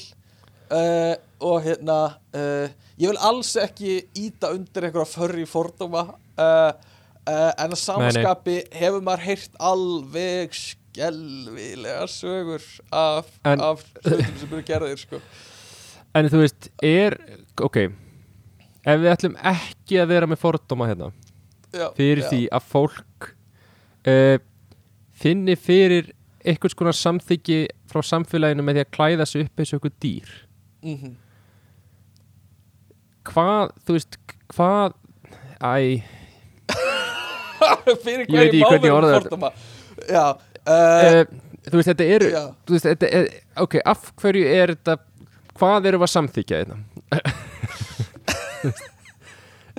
sko, í- hvað er þetta fólk sem upplifir sig eins og dýr? Já. Nei, uh, það er eitthvað frelsi í því að- að setja upp þennan búning og grímuna og fá að ve- upplifa sig sem annan en þú ert held ég. Og þú veist, þú getur gert þá hluti sem þú myndir aldrei gera í þínu venjulega lífi og, og hérna kannski finnst þetta gott að þú veist vera eitthvað svona söpp og láta klóra þér og, og þú veist, þú fílar lifir inn í það og eitthvað svona. Um, en ég veit ekki, ég ætla ekki að fara að greina endilega sálarlífið hjá þessu fólki en ég, annars, eitt sem ég get sagt við þig er hérna uh, þú ættir endilega að lesa frelsi eftir John Stuart Mill. Uh, um hérna það að, að hérna, fólk fái bara að eiga að fá að gera það sem það vill ef það er ekki skada aðra uh, já, já. Ég þarf eiginlega ekki að lesa bókina núna því að hún er bara þetta. Uh, Það er nei, ekkert ég meira. Ég er að grínast, uh, ég hef ekki lesið hana. En hérna uh, Mjög skemmtilegt Mjög skemmtilegt. En því ég er svo sem alveg sammálaði sko. Ég bara svona þú veist má maður ekki alveg finnast að aðeins skrítið það Jú, Er það ekki, jú, þú veist- og, og þú veist, auðvita Og þetta er bara eitthvað sem við skiljum ekki kannski endilega að fullu. Uh, Við upplifum ekki þessar tilfinningar uh, Og það er allt í lagi. Uh, En líka bara, það er hópur inn í þessu samfélagi Sem hefur gefið þessu samfélagi mjög svona erfiða mynd. Og það er bara þannig. Það er bara, það þarf að lifa við það sko. Það er mjög erfitt og leiðilegt kannski fyrir einhverja að vera að kunga og vera bara, þú veist ríða út um allt og bara eitthvað svona þannig ímynd eitthvað algjör stjórnleysi sko. Um, allavega, mér finnst það geggja mér finnst- alveg magnað að tala um þetta sko. Eh, góður út út úr hérna. Uh, Já, en þetta er vist tísku tímann- í dag. Uh, þetta er trend í dag. Nei, en þú veist, eins og ég myndi ekki segja að þetta veri tíska. Og, nei, nei, nei, nei, ekki því, trend sko. Og, uh, sko. alveg langt því sko. og þá pælir maður í sko þú afmarkar trend frá því hvað meiri hlutin af fólkinu í kringum þig mm þér finnst að vera að gera. Að því við Mm. klálurum ekki að taka heiminn. Mm. að því að þú fyrir að skoða trend í Asíu þá Já. er þau, það er mjög voða mikið bara eitthvað allt annað heldur en það sem að, já, já. þú veist, En þá Kína, myndum Japan. maður líka bara segja að það er trend í Asíu. Skilur já, en, ekki? já, já, en þú segir ekki trend í Evrópu, þú talar um trend Nei, nei, nei, nei, nei Það er bara því ég er upp í já, uh, Og það er allt aðal hér, skilur Það er allt Já, já. default hér Og allt annað er uh, Asíu eitthvað. Og, Já. Fá mér mat, eða fá mér asískan mat? Og uh, Smá þannig. En, En- allavega, Já. nenni þú að hætta að stýra þess að þætti, þú, þú veist, Bíddu, ég gerði hennar þá Sko, Ég- þetta er ósjálfrátt Þetta er ósjálfrátt, sorry. En mér lákaði bara að segja Mér finnst gam, það var út frétt Sem er alveg ótrúlega Við fórum náttúrulega ekki yfir frétti vikunar En hérna að íslensku matur væri eitthvað næst lélegasti matur í heimi. Og ég bara, já Ég hef aldrei séð neitt Sem meikar jafn mikinn sens. Það er bara norskur matur sem var lélegur en íslenskur matur uh, Já, er við bara- getum öll er- verið sammála um þetta við getum öll verið sammála um það að líka þegar við vorum spurðir um þegar við vorum á hótelinu og það voru ykkur svona hérna, fólk sem bjó með okkur á hæðinni sem spurði So, how is the Icelandic cuisine? Og það er bara, það er ekkert cuisine á Íslandi það er ekkert sem fellur undir cuisine orðið það er súr hákatt sem er gerjaður upp á Já, já. Og svo er brennivín sem er búið til Já, með já. einhverjum kartöflum að austan. Þannig að hérna, ekkert svo leiðis Mér leið- mesta Ég skemmtileg fekk, nei, bara til að koma inn på þetta þá, mm, ég satt við borðið í vinnunni, bara í vikunni. Mhm, og ég satt með þremur kollegum mínum já, og tvær frá Ítalju og ein frá Fraklandi já, og vorum að tala um mat. Ok. Og ég fæ þessa spurningu já, já, já, já, já. og það er ég, veist, það er eitthvað við mig sem ég á svo erfitt með ég á svo erfitt með að svara þessa spurningu Mm Því ef eitthvað eitthvað, yeah, so what's typical Icelandic cuisine? Og Mhm. fyrsta leið, þú veist, þetta eru frakkar og ítalir, skilur þetta er, þú veist, þetta er fólk sem kann alveg á mat já, já, uh, og ég fæ alltaf svona, ég hugsa bara úf, það er ekkert, þú veist, þetta er bara drasl þetta er bara, þú veist, Mhm. það er ekkert cuisine, þetta er bara eitthvað súrt og eitthvað svo geimir Mhm. lengi en á sama tíma og ég segi það þá finnst mér svo asnalegt að, að, að tala svona um matinn frá landin okkar. Já, já, já. að þetta er svo leiðilegt svar.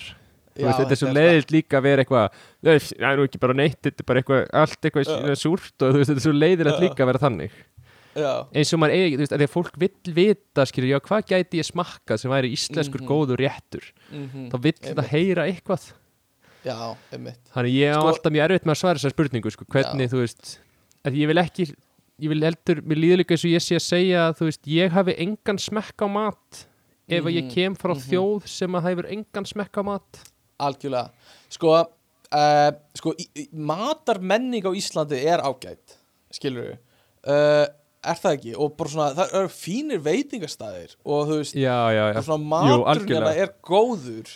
En svona þetta íslenska svona menningin og íslenski maturinn uh, við vorum bara óheppin. Eða þú veist, við höfðum ekkert. Við höfðum ekki einu svona krydd skilur við Já, þannig að já. hérna það var bara eftir að flugsamgöngu komu og meiri svona samneiti á milli landa sem við tókum okkur til skilur við já og við stöndum okkur mjög vel Já, í að gera bara bara góðan franskan mat. 100% og gerum bara fína bjóra með að bjórbanninu var aflétt, þú veist, 89 eða eitthvað. Bara mjög næs, sko. Já, það er rétt Það er rétt En talandi um það Ég man ekki alveg, akkur fórum að tala um þetta Íslenska matarmenningu. Ég veit ekki, maður Hver myndi við það?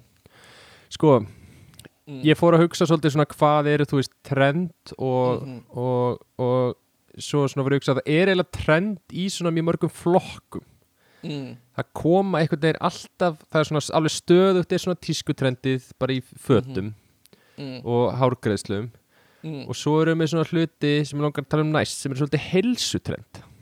Já, alveg sko. heilsutrend er eitthvað bara svona þetta er eitthvað bara svona mesta mm ADHD trend lína þú veist, þetta er alltaf bara eitthvað og þetta er bara eitthvað þver öðvögt það sem við gerðum áður og það er alltaf fullt af þessu og þetta er alltaf að breytast. Þetta er bara mjög góð greining hjá þér sko. Þetta er, bara, þetta er alveg spot on sko þetta var 100%. bara þetta, veist, við bara erum allt íni bara eitthvað já, eh, hérna kaffi Mhm. smjör í kaffið smjör og hérna, allt íni bara prótein svo eru allt íni bara Já. slíki kolvetni og svo eru farin Já. að taka einhverjar einhverjar góðgerla og eitthvað svona En Þetta er allavega. a- alveg spot on sko og, og hérna bara það hvaða hreyfingar stundu er líka hérna uh, er líka trend og þú veist Sölutork hefur örugglega gert mest fyrir trend í, á hérna svona líkamsrækta trend á Íslandi með bumbubananu sínum og einhver svona eitthvað. En hérna uh, hvað ætla ég að segja, já hérna já bara hvað íþróttur eru stundar þú veist það kemur eitthvað svona þegar rosa mikið trend að fara í vikingaþreg og svo crossfit og svo þú veist á nýjunda áratugnum eða tíunda var þú veist Magnús Skeving með hana eitthvað aerobic fitness eða hvað sem það hétt og, og svo eru barda íþróttir allt í norðan risa já barda íþróttir og hérna út að hlaupa og í sjósund kemur inn í þetta þú veist og fer og bara svona það er magnað einhvern veginn hvað Íslendingar, ég veit ekki hvernig þetta er í útlöndum fylgjast að oft í hvað er vinsælt sko. mér finnst Algjörlega. crossfit svolítið á leiðinni út og svona Já. crossfit svona frændur crossfit eða svona, svona næsti bær við crossfit er að taka við sem er ekki undir crossfit brandinu sem það þarf að borga fyrir heldur þú veist bara eitthvað svona, eitthvað svona uh, sjálfstæða stöðvar eða eitthvað eins og afreg og eitthvað svona. Já, Uh, já, já. sem eru svipaðar en, en hérna, ekki alveg eins. Mjög Mér líður eins og, líður eftir að koma inn núna svona eitthvað svona mindful exercises. Mm, Ég held að verða eitthvað miklu, já, þú veist, svona jóka en samt æfingar. Þú veist, þetta verða svona, já, þetta er svona eins og trendið sem kom hérna með hérna ræktina sem átti öll að byggjast á því að þú værir bara eitthvað dýr í náttúrunni Þú veist, það voru svona æfingar eins og, förr í búningum. Það voru svona æfingar eins og, þú veist, að láta sér detta. Já, Og þetta var allt- já, já, já, þetta var allt byggt á einhverju svona þú veist að við væri svo mikið núna að æfa Mm. þú veist, við erum svo mikið einblín á alls konar veist, eins og að við Mm. séum ekki gerð til að lifta hlutum upp fyrir axlirnar á okkur og eitthvað svona Einmitt. og við séum alltaf að æfa einhverjar axlapressur já, en í staðin áttur bara að æfa alls konar svona mobility og eitthvað, veist, að geta tekið Já. við höggi og liðamótin og eitthvað geta, Einmitt. þú veist, farið í astnalega stellingar og klifra og Einmitt. krjúpa niður og eitthvað svona en svona functional sko, algjörlega það En- er, já, já mér finnst þetta persónlega mjög erfitt sko, sem manneskja sem er svona mjög svona ég tek þetta voða mikið inn mm, þú veist, mm Mhm. að því að ég þú veist, ef ég er til dæmis að fyrir rektina mm, ég er einhvern veginn hef aldrei verið svona gæi sem er inn í einhverju svona költi eins og þú þú veist, þú veist eitthvað að því Mhm. kraftlítika kallarnir eitthvað að Mhm. lifta og svona, þú veist, ég er svolítið bara svona gaurinn sem er ofta að prófa eitthvað, þú veist, og finna hvað Mhm. mér finnst gaman mm, þannig að þegar ég heyri eitthvað nýtt, þá er ég eitthvað, já, ok ég þarf að fara að breyta núna og, og núna, þú veist skilur þannig ég er alltaf að hoppa á milli bara eins og að í rektin og lifta lóðum. Já, einhvern veginn byrja ég á því og þá er ég eitthvað, já, þú ert alltaf bara að taka hérna bara, þú veist þú ert að taka eitthvað svona Nei, þú kannski búið að leiðild bara að tala um þetta eitthvað. Fyr- nei, mér já. finnst það ekki sko. Já, Nei, ég veit að þið veist það ekki en En það var ok. svona eitthvað, já, þú ert að taka 15, 12, 10, 8 Eitthvað svona skalar þið niður Já, og tekur já, aðeins þingra Svo var þetta allt í norðið bara, nei, taktu bara geðveitt fá og Já. þungt Sem er svolítið það sem þú gerir í kraftlýtningum mm, mhm. Svo núna, þú veist, finnst mér líka hafa allt í henni séð fullt af gauðinu sem er að tala um að þú veist, þú er að gera geðveitt létt En bara geðveitt oft. Að Það er eitthvað svona tætinu upp vöðvana þina Og eitthvað svona já, og allt Sko, þetta er já. rugglandi fyrir manneski sem bara þarf bara eitthvað basic til Já, þess að bara já. svona sjá mun á sér og vera heilbriður einmitt. Já, algjörlega, ég bara einhvern veginn var bara ég veit ekki, ég myndi alveg segja heppin. Ég bara festist í mínu sem var bara kraftlettingar og hef bara verið að lifta þannig í tíu ár pluss og hérna, og mér líður bara rosa vel í því. En, en eins og þú segir, þú ert búin að vera ég er búin að sjá þig svolítið hoppa á milli. Þú veist, við vorum í boxi og svo fóst þú alveg hardcore inn í sko, hérna, uh, crossfit á tímabili, varst alveg mjög duglegur þar og bara út að hlaupa varst þessu rosa mikið og svo hefur líka verið að reyna að lifta og eitthvað svona. Uh, þú ert algjör, sko, þú followar alveg trend, sko, ég vona að það sé ekki ég var, sé ekki að móðgæði með því að segja það, sko.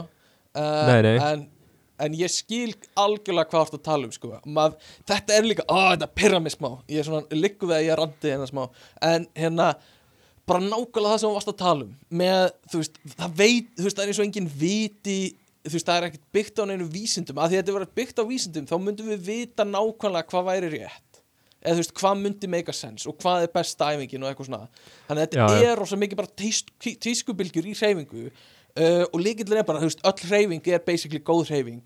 Og, og hérna að að, skul, að, að tíska skuli blandast í þetta pyrra mig svolítið, að bara svona smá pyrra mig að, að, hérna, að þetta sé selt sem einhver svona tískuvara uh, og, og hérna að eins og þú varst að tala um, ert með að skrifa niður hérna líka eitthvað svona að í, hérna, í ár þá fara allir í eitthvað svona, að það sé bara Já, já. eitthvað sem, sem er bara sett fyrir eins og það sé eitthvað stærsta trend í heim og best í heimi. Uh, og, og hérna það er ekkert að bak við það af því annars myndi það standast tímans tönn í rauninni og, og vera áfram. Og, Já, og ég bara skil rosa vel pyrringin í því að hérna að heyra mismöndur hluti og þetta er sama með bara hérna uh, hvað maður á að borða veist, hvað er gott fyrir því síkur eða egg eða fita eða kjöt eða vegan eða eitthvað svona. Það bara, veist það, það, það er ekkert sem stikkar einhvern veginn, það bara það Já, já. breytist. Já, nefnilega, en þetta er líka fyrir að gera svo hratt í dag. Já, að því að mér líður svona eins og veist, ég náttúrulega lifði ekki þá tíma mér líður svona eins og, þú veist, þegar amma mín er ung og svo þegar mamma er ung og eitthvað svona mm, þá var oft verið að fylgja einhverju svona þú veist, það var alveg lengri tíma og þetta var allt einhverju svona megrunar kúrar mm sem er svolítið ekki Mhm. lengur þú veist, núna það eru svolítið, þú veist, þú fer ekki á megrunar kúr, það er bara svona eitthvað kjánulegt koncept sko. En Þetta það er orð og- yfir megrunarkúr sko. Í, í mörgum tilfellum þá er fólk já ég er búin að breyta um lífstíl ég er á safa lífstílum eitthvað svona en það endist aldrei meir en einhverja mánuði hjá flestum sko. Já. En mér líður þess að það hefur verið lengra á milli nýra hluta þarna, þú veist, hlutir eru svo Mhm. lengi að berast. Já, en í já, dag er þetta, er nýtt í hverju viku. Einmitt, og ég tók saman svona svolítið hvað ég hef verið að sjá. Já, það sem hefur núna verið að mata í mig af algoritmum TikTok til dæmis. Einmitt. Og það er til dæmis ok, fyrsta. og ok, Það er hvað matar algoritminn? Sko, það er til dæmis ísbað já, sem við vorum að tala um. Uh, og það, þú veist, það er ekki nóg að fara í ísbað eitthvað svona, já, ég fer einu sinni í viku ég fer í kaldapottin, skilur já, heldur fara allir í ísbað það sem bara klukkan er 4.30 já. Þú veist, já, þú, já, bara, þú veist, vaknar bara, sko, bara já, fáranlegum tíma. Já. Og þú þarf að byrja á því að þú veist brjóta því í gegnum klakan sem er ofan á íspottinu þetta er bara kjáftæði ok, já, já. Veist, þetta er ekki eitthvað svona, já, hann er nú bara þrjár gráður, nei, hann Nei. er bara mínus átta gráður. Já, já, já, já, já. bara, Eh, já, þú myndir deyja að þú væri hann í 20 mínútur. Já, það er eitt sem ég séð um, svo er alltaf verið fyrst mér verið að tala um hérna algoritmi minn aftur sko þetta er kannski Mhm. bara ég upplifa þetta en ég er bara svona þetta er heilsutrend sem ég sé þar. Ok, það er alltaf verið að tala um calorie deficit. Já, já, já, já, já. Einmitt, einmitt. og hvernig calorie deficit virkar. Að taka minni kaloríur og eitthvað. Og það er alltaf verið að sína mér hvað er mikið af kaloríum í einhverju ólíu samanbúrið við egg og eitthvað svona Ó, hvað pyrrandi Hvað pyrrandi að heyra þetta Hérna eru hérna, 100 kaloríur af eplum Hérna eru 100 kaloríur af nammi Og hérna eru 100 kaloríur af. Eða eitthvað svona uh, einmitt. Það er annað. Sko, uh, hérna, já, ég held sko að það er búið að targeta mig svolítið svona því að þú veist ég máli taka inn Já. örgulega mikið af þessu sem er þarna en kannski er eitthvað sem tengið það uh, annað er svona mobility. Mm. Mm þú veist, ég er alltaf að fá eitthvað sem er að segja mér að æfa þú veist, mjadma grind svöðvana mína eða eitthvað. Já, næs gera eitthvað svona fáranlegar já, Gera kegels. Já, já, já, eitthvað svo leiðis uh, það er annað. En um, það er holdt, skilur hérna uh, uh, og, og liðleiki er held ég eitthvað sem hérna er ekki, þú veist, það er bara universally að vit, vita að það er gott Er það ekki? sko, ég veit að ég er náttúrulega mjög styrðu maður þannig að ég svona hef Já. oft pælt í því en þú Ég veist, hef ekkert séð trend að vera styrður bara let's go all, let's be as styrður as we can og hérna og bara Nei, nei. no stretches January eða eitthvað það er þetta rétt sko en ég er samt svona pæli í því, þú veist, hvað þú veist, af hverju er gott að vera liður mm. þú veist, er þú, mér er þú minna styrður þú er gamall að því ég til dæmis meiðist aldrei í Já. íþróttum að því að ég held að sé út af því að það er allt svo styrnað upp hjá mér þetta er bara einn svona veist. Já, já, já, þú kemst ekki í hreyfinguna sem myndi með þig já, en ég er ekkert að vera bara- dett úr lið skilur, það bara Já, er, já. þú veist vöðvarnir mínir eru bara það hertir já, já, já. Þú veist, þetta er alveg sjónum mig sko. Ég held, já, já, herru, annað er hérna að drekka svona græna djúsa mm, og svona Mhm. gött health. Já, gött health. Já. Einmitt, e eitthvað svona gött health. Það er ekkert sem kljómar betur. How's your svona gut health today? já, Very good.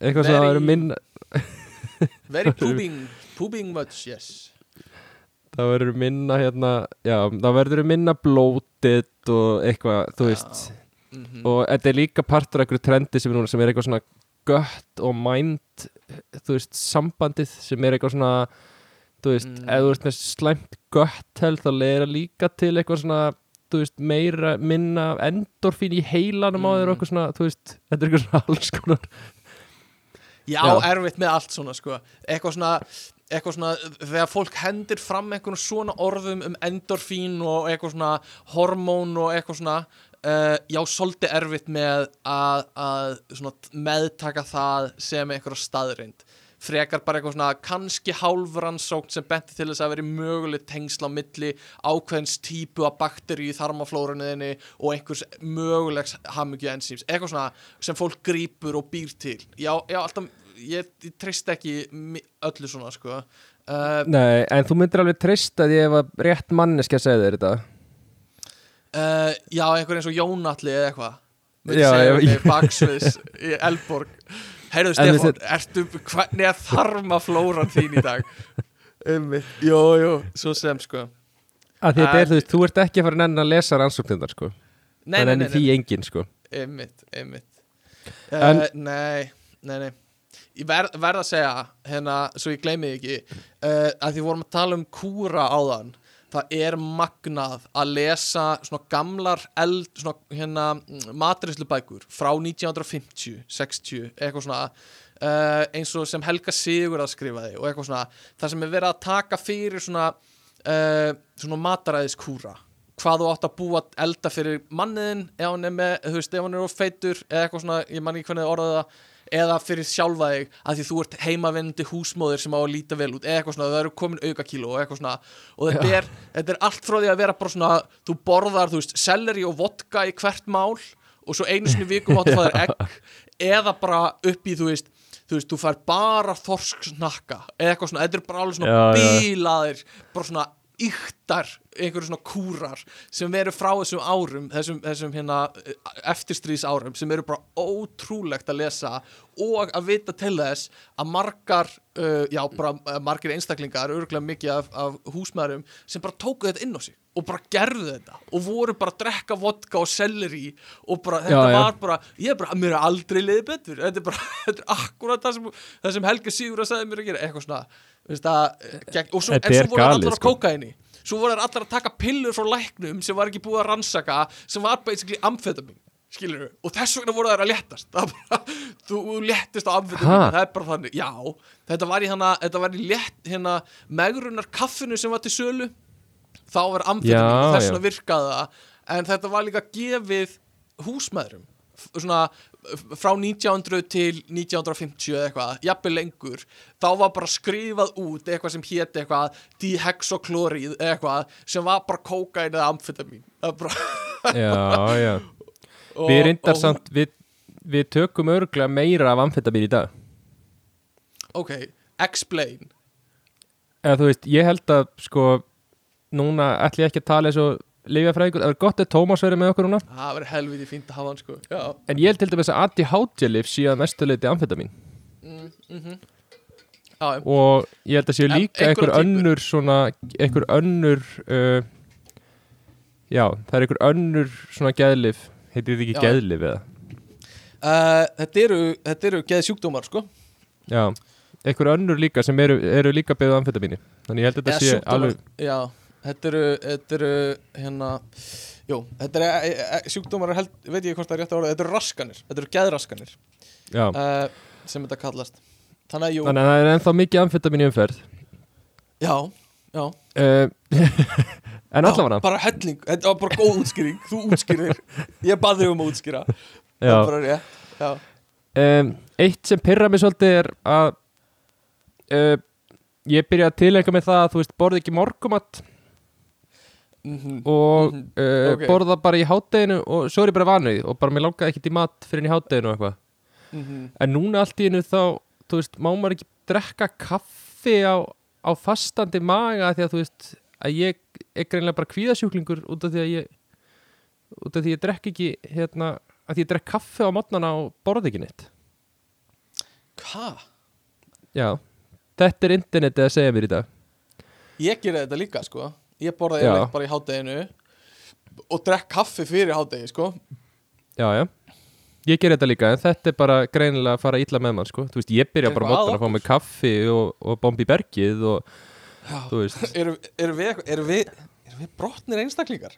eða þú veist, ég er alveg, og ég finna að maður er alveg kvíðið stundum, skilur kannski er það bara því að maður fæsir ekki morgumat. já, já, og það, en það er alveg, þú veist, stundum, ef maður bara svona, af hverju er ég svona fucking stressaður? Bara, já, ég var að drekka fjóra kaffibólla, Já. alveg rétt, alveg rétt, eitthvað svona, já, núna er, það, núna er það líka svolítið trend að það er sko, kaffið er svolítið Mm. að detta út. Um, mhm, Samt líka dett inn, þú veist, fínt gæða kaffi en lítið af kaffi. mhm, Og allir í vinnunni minni núna eru með svona eitthvað, drekka bara tvo bolla á modnana að þið bara get ekki drukkið meira settipartin. Þú veist, ég tengi svo Já. lítið við þetta. já, emmitt, En samt Einmitt. ætti ég örgulega að tengja við þetta því ég er örgulega bara að fara upp í rúm og, og hérna, bara get ekki sopnað út af þessu og eitthvað. já, já, já, uh, Kristína drekkur aldrei kaffi eftir tvö til dæmis, uh, Já, sem bara svona minn príma tími til að drekka kaffi sko.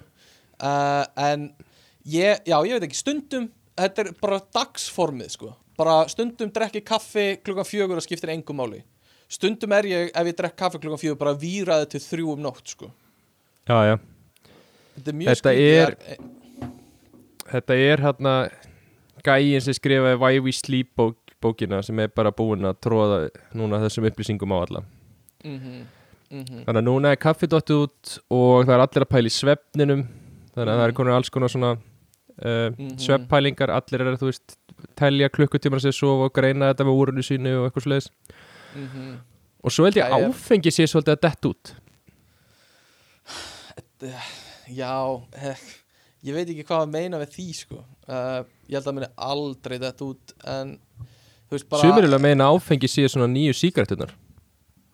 Já, já, já, það kom rannsókn nýlega sem var skrifuð greinum á vísi sem sagði að hérna uh, þú ert orðin eitthvað fertugur eða fimmtugur eða eitthvað þá bara er ekkert magna áfengi gott fyrir þig bara, veist, það er, það er græðir ekkert á því að drekka eitt dropa af áfengi og kannski eftir fimmtugt þá minkar þetta eitthvað smá líkur á hjartasjúkdómum eða eitthvað að fá sér eitt rauðvinsglas. En fyrir það er það bara neikvætt að drekka. En þú veist, þetta er úrslega ömuleg rannsókn og pæli, þú veist, hvenar drakstu ekkert áfengi og helst að vera eitthvað gott fyrir þig? Veist, það voru einhver svona fljótandi staðnendur um að, veist, eitt rauðvinsglas á dag er gott fyrir æðakerfið, eitthvað svona. Jú, En það ke- bara kemur bara í ljós að það er engin ávinningur á því að drekka áfengi, bara neikvæði hlutir og kannski eftir 50 en ekki víst. Þannig að Já, svona, svona þangað til annað kemur í ljós. Já, en þú veist okkur er alveg sama held ég. Eða þú veist, áfengi er bara svo rísa stórpartur Já, við munum aldrei deyja Nei, nei, við erum aldrei að fara að deyja, við erum svo ungir. Uh, en jú, ok áfengi út, ég verða við ekki uh, uh, og það eru glæða margir sem eru að hlusta sem eru ósamála þessu. Ég, líf mitt myndi ekki breytast mjög mikið með því að kött út allt áfengi sko. Bara mjög Nei. lítið. Mér væri svona næstum alveg sama eins og Já. staðin núna. Mér finnst bjór voða góður sko. Já, Mér finnst voða gaman að fá mér góðan bjór og, og já. já Þannig ég er alveg svona bjór bjór svo, som rosa ég lir. Sóma ég lir er Hvernig. Það er mjög gott að fá sér bjór sko. Fá Já. sér einn kaldan eftir erfiðan vinnudag já, Sommelier sommelier Það var orðið sem ég var að reyna að segja Já, já, já, Ég er svona bjór, bjór þannig já. um, En allavega Já, en við skulum ekki staldra lengur við heilsutrend. Mér langaði svolítið að ræða næsta. Já, við erum búin að vera fyrir svo hægt yfir sko. Já, sorry, ég bara er ekki vanur því að halda upp í tempónu Ég leifi þér að svara og hafa skoðanir. Nei, ég fíla það. Ég er bara allt í góðu sko. Ég er ekkert sá besti líka að halda tempói. En já, ok. Næsta sem ég vildi tala um var vinnutrend. Mm -hmm. Núna er náttúrulega sérstaklega eftir COVID er búið að alveg gjör breytast bara allur vinnu lífstílin Algjörlega og núna erum við einhvern veginn við erum eiginlega búin að fara í gegnum svolítið svona tvö trend að vinnum frá COVID mm. Fyrst þegar COVID skall á kom alveg rosalegt heima vinnutrend Já 100%. það var bara allir heimi á sér og voru allir að kaupa bara eitthvað skrifstofu setup heimi á sér og Mhm. Það ætlaði enginn að fara aftur í vinnuna. Þeim fannst þetta bara, Mhm. þú veist það fannst öllum þetta bara geðveikt. Já, já, já. Og hvað finnst þér um þetta? Sko, ok, uh, takk fyrir að gefa mér orðið. He- Here we go baby. Uh, Sko, mér finnst voðalega gott að geta unnið heima. Mér finnst það alveg dásamlegt. Uh, Það var samt alveg segin saga að þetta var aldrei að fara að endast. Skilur, þetta var aldrei að fara að vera þannig að allir yrðu alltaf heima hjá sér. Bara mörgum ástæðum Fyrst og fremst bara það er gott að fá félagskapin að koma í vinnuna uh, og svo öðrum ástæðum er bara ég held að fyrirtæki voru ekki tilbúin í að sætta sig við að, að, hérna, uh, að það yrði produktíft þó að fólk væri að vinna heima. Ég held að það sé ennþá hugsunin bara þú þarft að vera eitthvað á staðnum. Uh, mér finnst svona deild að þú getur verið heima hjá þér hluta úr viku eða hluta úr degi, mér finnst það frábært að geta verið heima fyrir hádegi og þú veist, bara teki kaffibollan heima eða eitthvað svona og, og hérna unni í einhverju sem ert bara þú veist, ert bara sjálf forrættunni eða eitthvað og svo mætir að fundi eftir hádegi, mér finnst það bara mér finnst það briljant og, um, og hérna en, en þetta er, þú veist, það eru svona trend á vinnustöðum og það er mjög skemmtilegt að horfa á það eins og bara hvernig skrifstofur eru bestar. Uh, þú veist, er eitt vinnutímin og hvar þú ert að vinna en svo líka bara, þú veist, cubicles. Það var bara the thing á nýjunda áratugnum skilur Já, já, og, og svo kom hérna uh, opna vinnurýmið sem er í gangi núna. Og, og margir að segja að það sé á undanhaldi núna sko að þetta trend er, er búið. Og líka trendi eitthvað svona Google vinnustæður uh, Já, já. Að, að þú veist að þú ert með poolborð og þú ert með tölvuleiki og þú ert með hérna þvottavélar og fullt af gefins mat og eitthvað svona. Það var ákveðið trend líka á vinnustöðum. Ég held að sé uh, svona, að því að núna er þetta eitthvað sem ég vinn í á hverjum degi. Það er þessi pæling sko. Já, svona vinnustaða menningin Það er fyrirtæki eitt er að vinna í því. Já, vinnur í, jú, vinnur fyrir viðskiptavinnur okkar að svara öllu spurningunum sem þeir hafa um bara af hverju og hvernig fáum við fólk til að vilja meira vera á skrifstofunni. Snýst eiginlega alltaf um það að fyrirtæki vilja fólk fá það meira á skrifstofuna en vilja ekki neyða til að fara á skrifstofuna. Áhugavert, einmitt. Uh, sem að held ég að sé mjög góð þróun því að mm. þá sér maður að sko sósjál parturinn af skrifstofur orðin miklu mikilværi en hann var. Einmitt þetta var svolítið svona fyrirtæki gerðu eitthvað og þú veist, í rauninni þessi Google partur það sem Mhm. Google bjóð til umhverja sem bara fólk vildi mæti í vinnuna því þú fegst bara góðan Mhm. mat og þú veist púlborðið og allt þetta Mhm. sem þú varst ekki með heima hjá þér Já. það er svolítið svona eiginlega ít undir þetta hjá gömlu leiðilegu fyrirtækjunum það sem allt var bara skrifstofubyggingin var bara leiðileg og þú bara komst og svo fórstu í hátægismat og svo fórstu heim og það var ekki stemming já, já, já, já Þannig að þetta er svolítið ítt undir það að núna þurfa fyrirtæki að keppast við að gera vinnustæði nóg og góðan til að sé þess Mhm. virði fyrir starfsfólki er að- mæta í vinnuna allavegana x oft á viku. Einmitt, það er bara mjög áhugavert og mjög svona skemmtileg þróun einhvern veginn að pælingan sem komið þangað Já, sem er alltaf bara frábært fyrir okkur sem erum bara starfsfólk á vinnustæði. En er það af því það er í alvörinu meiri framleiðni á, ef að fólk mætir í vinnuna eða er þetta eitthvað Eh. svona gamaldags hugsun um að um að það sé málið veist, og, en það er það ekki Ég held að sé ekki spurningum, eða verðist ekki að vera spurningum að þetta sé að það sé meiri framleiðni og ég held að fólki Mm. sé alveg treyst fyrir því að vinna heima á sér allavega í störfum þar sem þú, veist, ert með kunnáttu og getu og þú, veist, mm -hmm. þú kemst ekkit upp með að kannski bara gera ekki neitt heimhör þú komist upp með að gera stundum ekki neitt þá svona Já. til lengri tíma þá þarftu líka alveg að performa og, og flest allir Mhm. sem er að vinna á svona stöðum vilja performa vel til að komast lengra á svo Einmitt en ég held að sé meira bara upplifin af því að vera ekki einhvern veginn í snertingu við starfsfólkið þitt mm. þú veist, Já, þú einhvern veginn þú veist ekki identity, þú veist ekki hvernig fólki líður í vinnunni eða einhvern veginn, mm.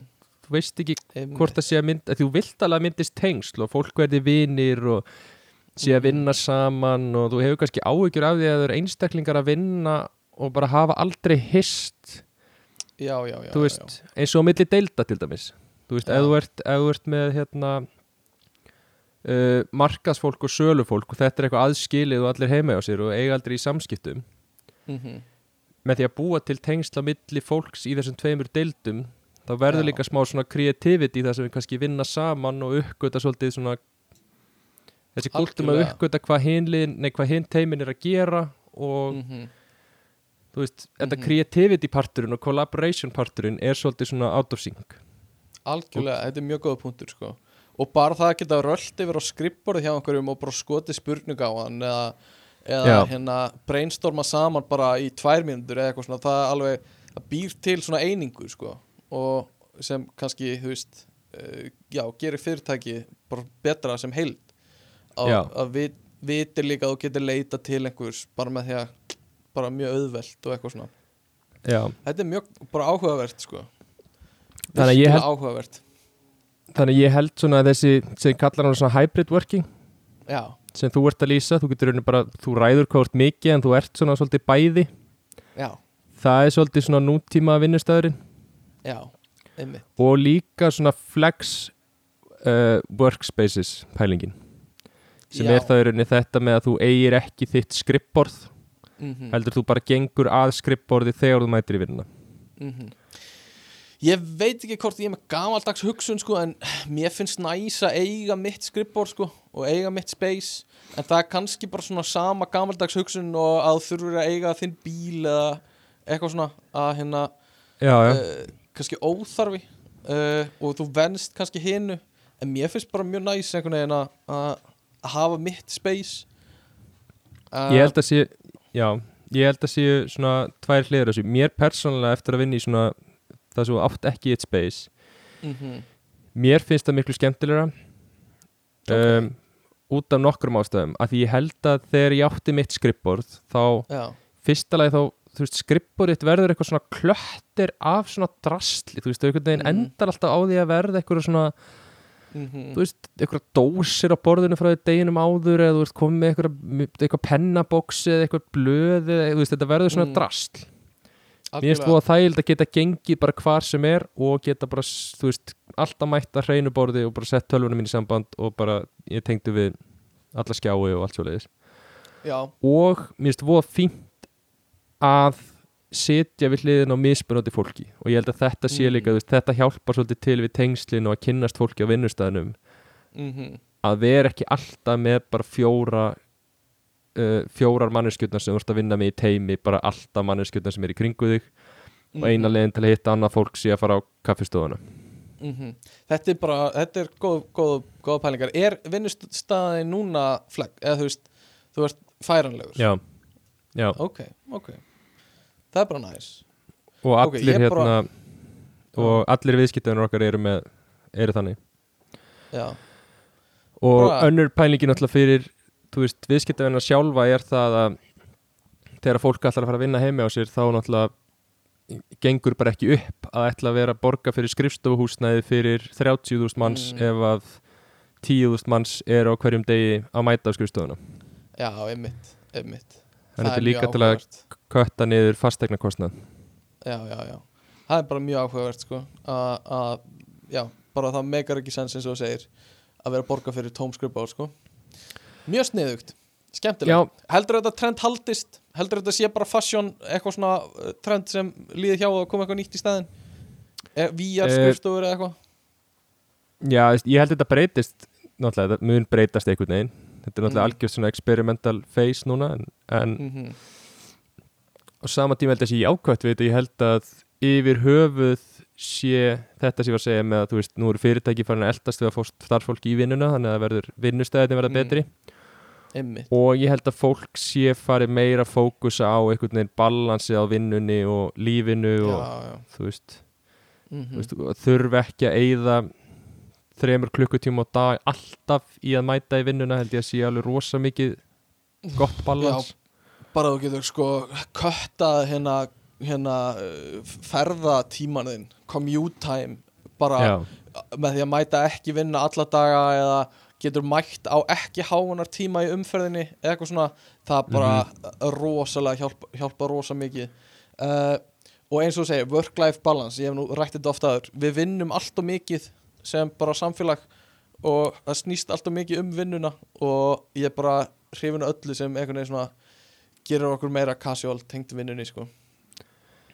Já, lætur okkur líða betur. Ég sammála því. þetta er æðislegt. Æðislegt.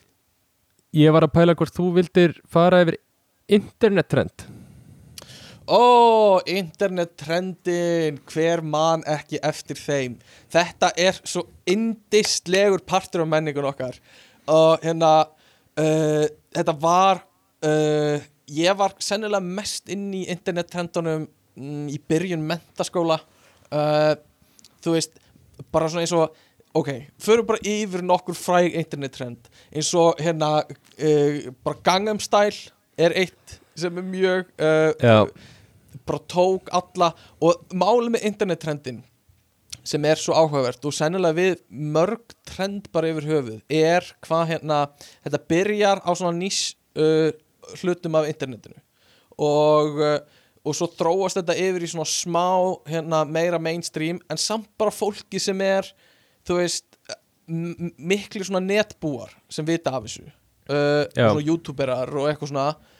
Og svo veistu að þetta er stórt internettrend þegar sko eldra fólkið er farið að taka þetta upp og er farið svona að grínast með þetta eins og eitthvað svona Gangnam Style og eru með ársatíðar myndböndin sín með lagið Gangnam Style og búin að gera nýjan texta sem fjallar um, þú veist uh, sem fjallar um vinnumálastofnun eitthvað svona, oppa Já, já. vinnumál og eitthvað svona, op, op, eitthvað svona og þá veistu að þetta er að fara að deyja og það er bara Et- svona já, já. típist live svona trend á uh, á internettrendum svona life cycle internettrendum og í mínum huga er þegar þetta komið inn á miðaldra vinnustæði þá er það dáið og þá þurfum við að finna eitthvað nýtt og hérna og, og líka ef þetta kemur í áramótasköpunu þá er þetta búið, þá ertu of sein sko.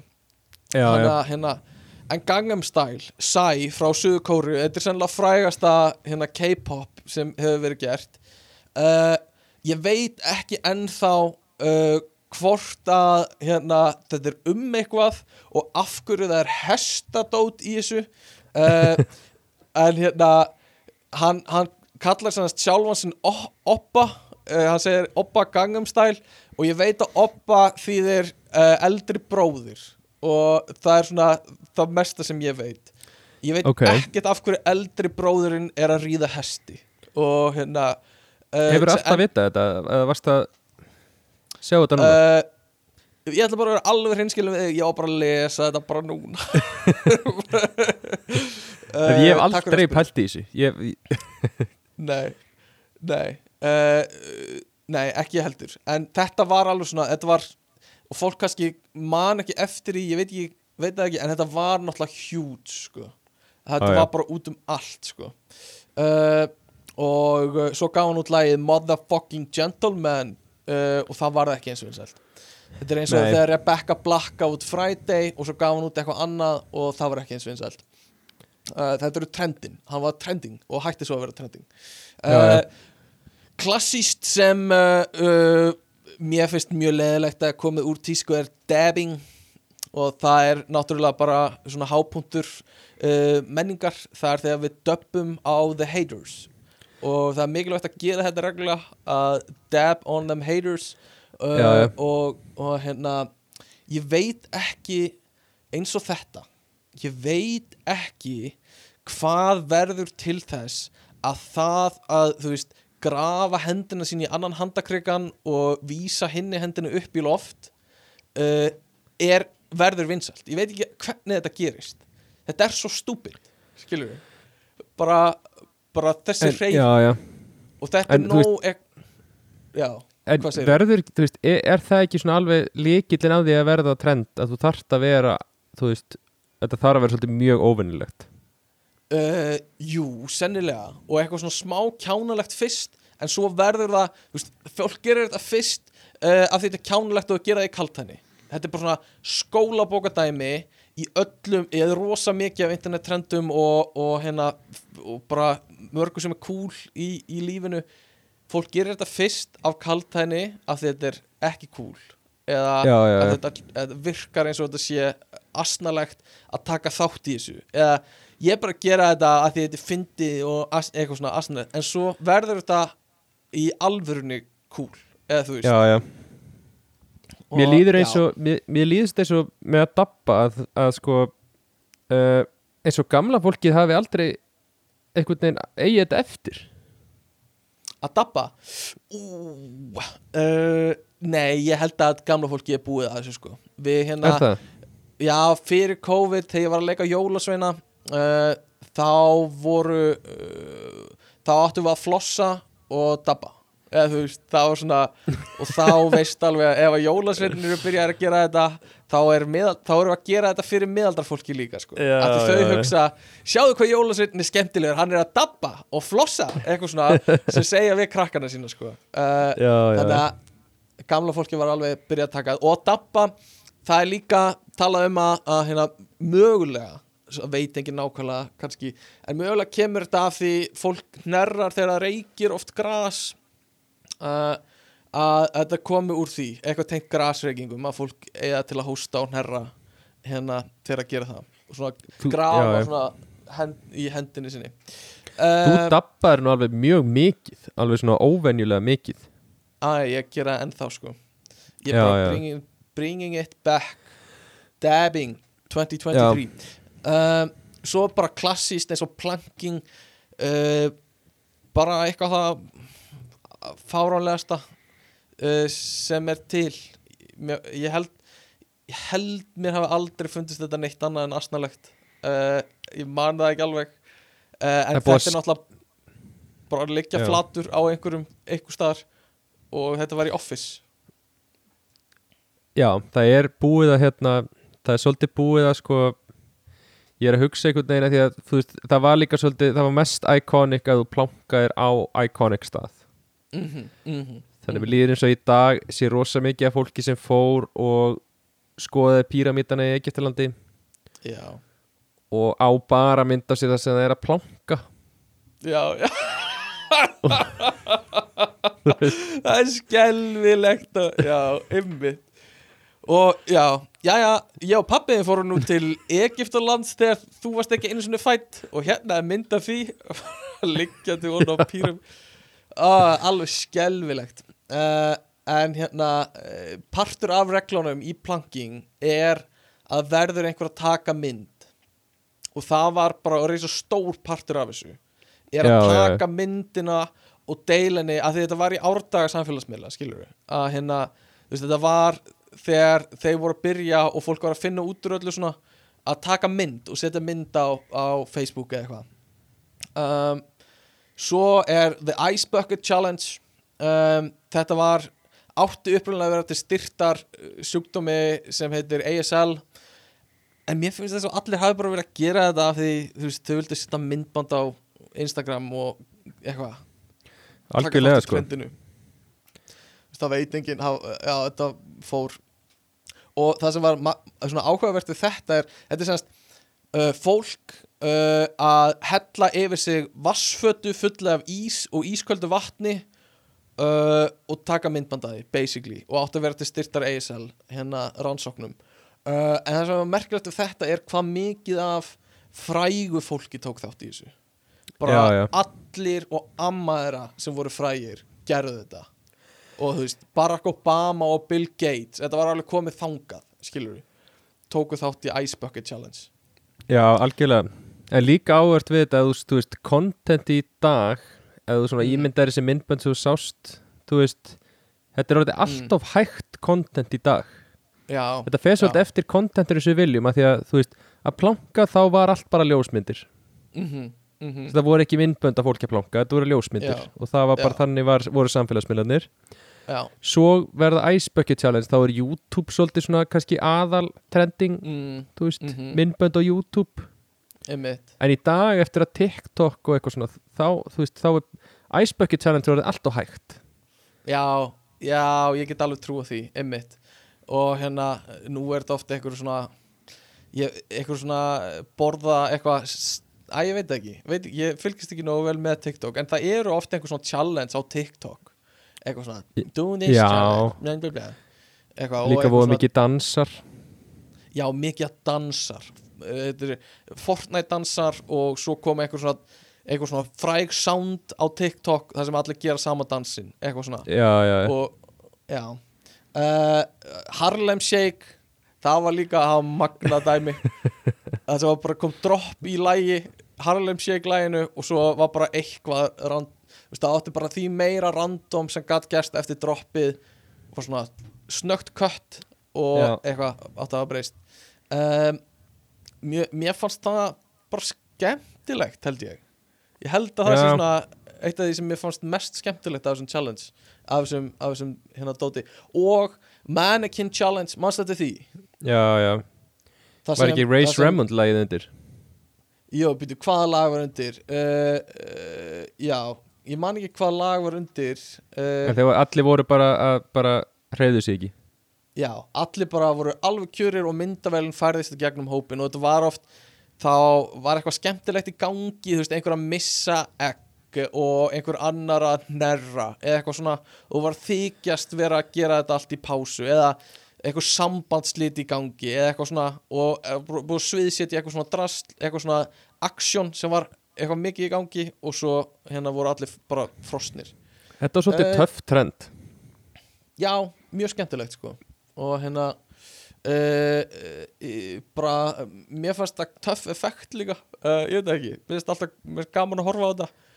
Og, og þetta var ekki eitthvað svona mjög stúpid eins og, eins og planking sorry, eða einhverju planking legends þannig úti, endilega sendið okkur mynda okkur planka einhvers staðar. Það voru ekkert sem myndi kæta mig meira en góð planka mynd af hlustendum. Uh, þetta, en ég held að plankararnir séu förriðar í dag Já, það er svoleiðist það hlaut að vera maður. Ef þú átt einhver staðar plankamyndaðir þá veitum við hvað þú gerir um helgar sko. Já, Eh, sleikir eða ég- loppurnar. Já, já, og kúkar á fólk. Allana, hérna, nei, tjók uh, Ég er með 20 viðbót. Annað er bara, hérna, Pokémon Go Og frá byrjun Var alveg bara víst að þetta var trend sem átti eftir að gangi yfir hjá öllum nema Tómas sem vinn okkar uh, og hérna er bara, hann er hann er bara, hann er virkur í þessu ennþá sem ég finnst bara ótrúlegt og bara mjög skemmtilegt. Uh, þegar allir fóru út eitt sumar og voru bara, bara leita eftir Pokémonum og þetta voru bara allir í þessu þetta var ótrúlegt. Og, og fyrirtæki sem framleiti þetta var að safna öllum staðsendingagögnum um ykkur fucking hérna, hérna sheep nei, tjók uh, en hérna, mjög skemmtilegt.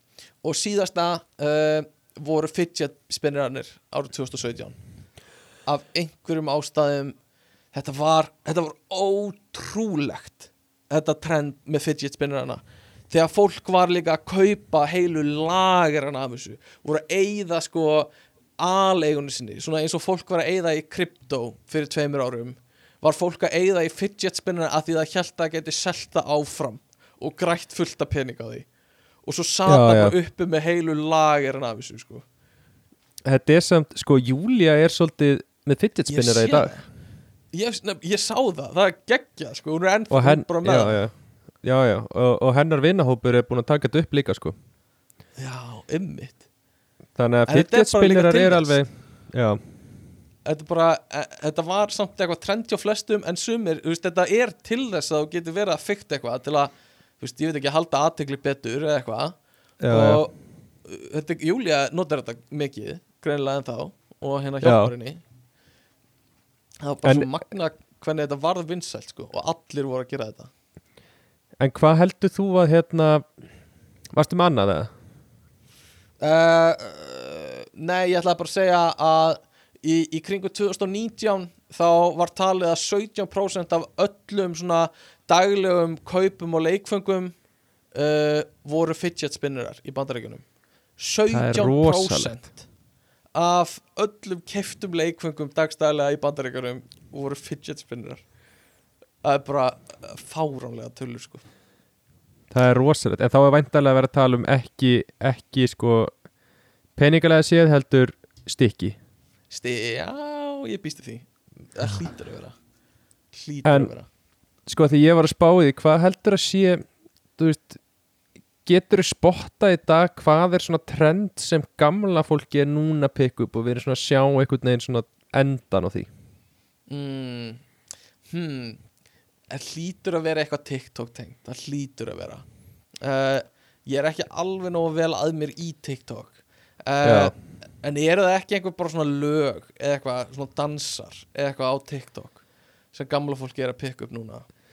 Sem það væri áhugavert sko. Ég, já, Mm. Ég En allavega. Já, já, ég er ekki með svari heldur sko. En þú veist, það er pottitt eitthvað í gangi. Maður þarf Mhm. kannski helst að skoða eins og segir, skoða, þú veist, sjá ársatíðar kontentið hjá já, hvað var það, mentamálastofnun eða eitthvað, já, já, vinnumálastofnun algjörlega. Vinnumálastofnun. Þá sér maður svolítið hvar, hvað er að þá deyja sér það hvað það er algjörlega, þú gerir það sko. Magna bara eldsnögt ég var, ég, ég dætt stundum í á YouTube að horfa á svona ársatíðamiðbönd hjá alls konar og bara svona vídeo hjá mentaskólum og eitthvað svona í vídeonemnd og eitthvað svona uh, sem voru alltaf sketsa þættir þegar við vorum í skóla. Uh, í dag er þetta allt bara svona TikTok content í 20 myndur bara ekkert leikin atrið, engin handrit. Þetta er meir og minna rosa mikið, bara eitthvað svona uh, bara eitthvað svona mm, já, eitthvað svona challenge sem eru gerð, eitthvað hot, hot sauce stót og, og hérna eitthvað, Já, eitthvað svona er bara, sem við myndum finna á TikTok sem væri, er bara línt saman. Og ég hef ekki rekist á eitthvað svona sketsa nýlega. Ok, í mentaskóla myndböndum sem er mjög, mest mjög áhugavert sko. en það góða við það er að þegar það kemur svo nýtt trend og umturnar einhverju sem að sem að gerði sjálfur í gamla daga mm. þá verður stöffið sem að gerði í gamla daga svolítið meira E, já, já það fer aftast í kjúið og svo verður það uppgöta setna sem algjör gullmóli sko. algjör gullmóli einmitt. eða eitthvað sem er ekki PC lengur og maður er bara hent út á gatinn sko. Já, reyndar, það er annað. Um, en allavega mm. viltu segja okkur hvernig trend munu þróast? Hvað verða framtíða trendin næstu 5-10 árin? Mm, já við erum aðeins búin að ræða eitthvað eins og að vinna heima og eitthvað. Uh, ég get alveg trúa því. Svo er erfitt að segja með svona tækni. Uh, það er alltaf erfitt. Öruglega eitthvað tengt, þú veist gerfegreindar, vinslu fólk er að tala um bara eins og í dag. Eitthvað svona chat GPT og það verður öruglega eitthvað trend tengt uh, aðst, svona hérna virtual assistant svona eins og Siri nema bara á styrum og verður örgulega eitthvað tr- trend tengt í að láta hann gera eitthvað fyndið eitthvað svona í framtíðinni mm. að þú ert með eitthvað svona, svona gerfugreindar módel sem er mjög fært módel sem getur gert alls konar fyrir þig en þú ert á notaði að gera eitthvað mjög skrítið uh, ég, get, ég get alveg séð það um, uh, tengt fötum um, um, fólk sé nakið hættir að nota föt. Það verður í svona 2-3 ár. Og hérna já, já, já. þú veist að þú veist að það er orðið uh, búið þegar gamla fólki er hægt að gangi fötum. Þá fara allir í fötun aftur. Uh, já, Þetta væri náttúrulega Eh, uh, holt, holt fyrir okkur. Já, já, já. Bara, já, já, bara að hérna normalæsa líkama og, og allir bara allt, allt normalæsa uh, ég veit ekki, það er erfitt að spá eins og með, þú veist, föt er náttúrulega svolítið tíska eins og við töluðum um áðan. Og hérna uh, tíska fari bylgjur, erum við ekki að detta aftur inn í tíunda áratugin og 0-0 fyrsta áratugin núna? Uh, þannig Já. að á næstu tíu árum færi okkur örgla, já, erum við eitthvað stærri kringu 2007 eða eitthvað svona þannig tíska er að fara að koma aftur, eitthvað nakka, dóti eitthvað. Ég er mjög peppaður fyrir það. Og hérna ég hef hlakað til að sjá aggressífu nakkan að mæta aftur og skinkunar sko, það verður bara geggjað. Uh, það sem er líka áhugavert er hvað uh, svona trend og sérstaklega á netinu verða alltaf einhvern veginn aftengdari og aftengdari raunveruleikanum. Að þú veist það sem er venjulega skrítið er ekki lengur nógu skrítið til að vera áhugavert og vera þess verið að verða trend.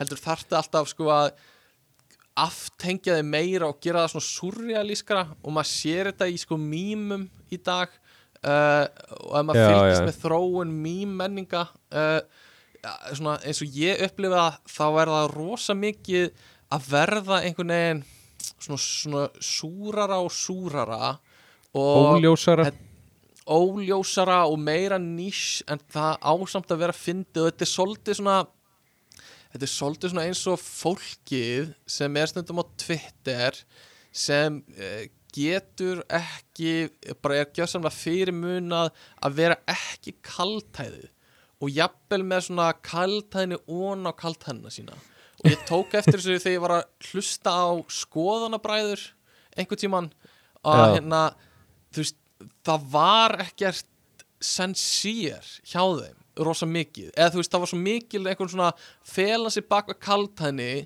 en svo var það eiginlega orðið kaltæðni að nota kaltæðnina og þú veist, við bara svona átta veist, það var ekkert, það var ekkert hægt að veist, það var ekkert eitthvað svona frá hjartanu lengur af því þetta átta þetta var allt partur af einhverjum húmor sem enginn skildi og eða þú veist sem, og það var partur af því að skilja hann ekki. Og þú veist, að þú einhvern veginn þetta, Já, já, já. verður svo þetta verður svona veist, af því það sem er uh, fyndið er eitthvað sem er aðeins skrítið en svo normalæsast það sem er skrítið núna þannig að til þess að, að verð, verði fyndið aftur þá þarf það að gera það ennþá skrítnara og svo vindur Já, já, það já. upp á sig að þú ert komin í eitthvað svona eitthvað algjört mindfuck af einhverju svona hérna, fram og tilbaka dóti sem, sem þú veist sem á ekkert að vera fyndið eða þú veist, er ekkert fyndið en það er bara fyndið með kontekstinu af öll, allir sögunni hinga til. Já, já. Og þetta- verður eitthvað mjög bara svona fucked up, skilur og ég held að trendin gæti þróast líka í þess átt, að það verður bara eitthvað svona fucked up dót sem enginn skilur og er bara fyndið á einhverju svona mjög abstrakt, absúrt leveli uh, og, og hérna uh, og fólk segir bara, þú veist hérna, eitthvað svona, þetta er þetta er fyndið af því þetta á ekki að vera fyndið að þetta, hvað þetta er ekki fyndið eitthvað svona, en það er ekki fyndið skilur það sem Æ, Mér finnst þetta, þetta mjög góð greining sko. Ég er að spá Já. hvort, hvort sko er þú veist, er Japan til dæmis komið lengra af því að þú veist þar já, ok. Nei, hugsa þess út í, en þú veist, ef þú hugsa Já, bara já, allt sjómasefni, þú veist, það eru Já. miklu meiri öfgar. Já.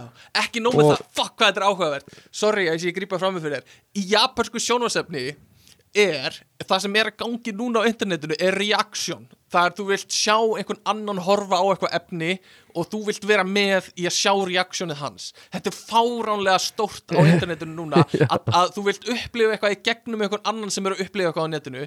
Það sem Japanir hafa gert í mörg ár er að þeir eru með litla mynd af einhverju mannesku horfa á þessu þú ert að horfa á á sama tíma og þú ert að horfa á einhvern sjónvastátt þeir hafa verið að gera þetta í langan tíma. Japanir eru svo langt á undan öllum öðrum í sjónvasefni þeir voru fucking predikta þetta fyrir 30 árum.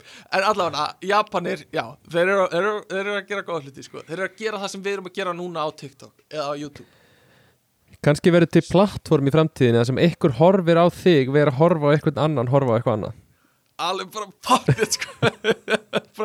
Þetta, er, ja, þetta er, ég veit ekki hvað þetta er hvort er þrá í, í að vera með fólki hvort þetta er einmannaleiki eða bara hvort þetta er þú vilt fá einhverjum svona sta, staðfestinga á því að það sem þú ert að upplifa sé eitthvað sem er þess virða að upplifa eða hvað það er en þú veist, það að horfa á eitthvað með einhverjum og fá viðbröð frá annari mannesku er eitthvað sem Já, er mjög heitt núna. Og þú veist, já, er eitthvað, já og ég tengi alveg við það, mér finnst það ekkert fárlegt ég skilði það alveg af hverju.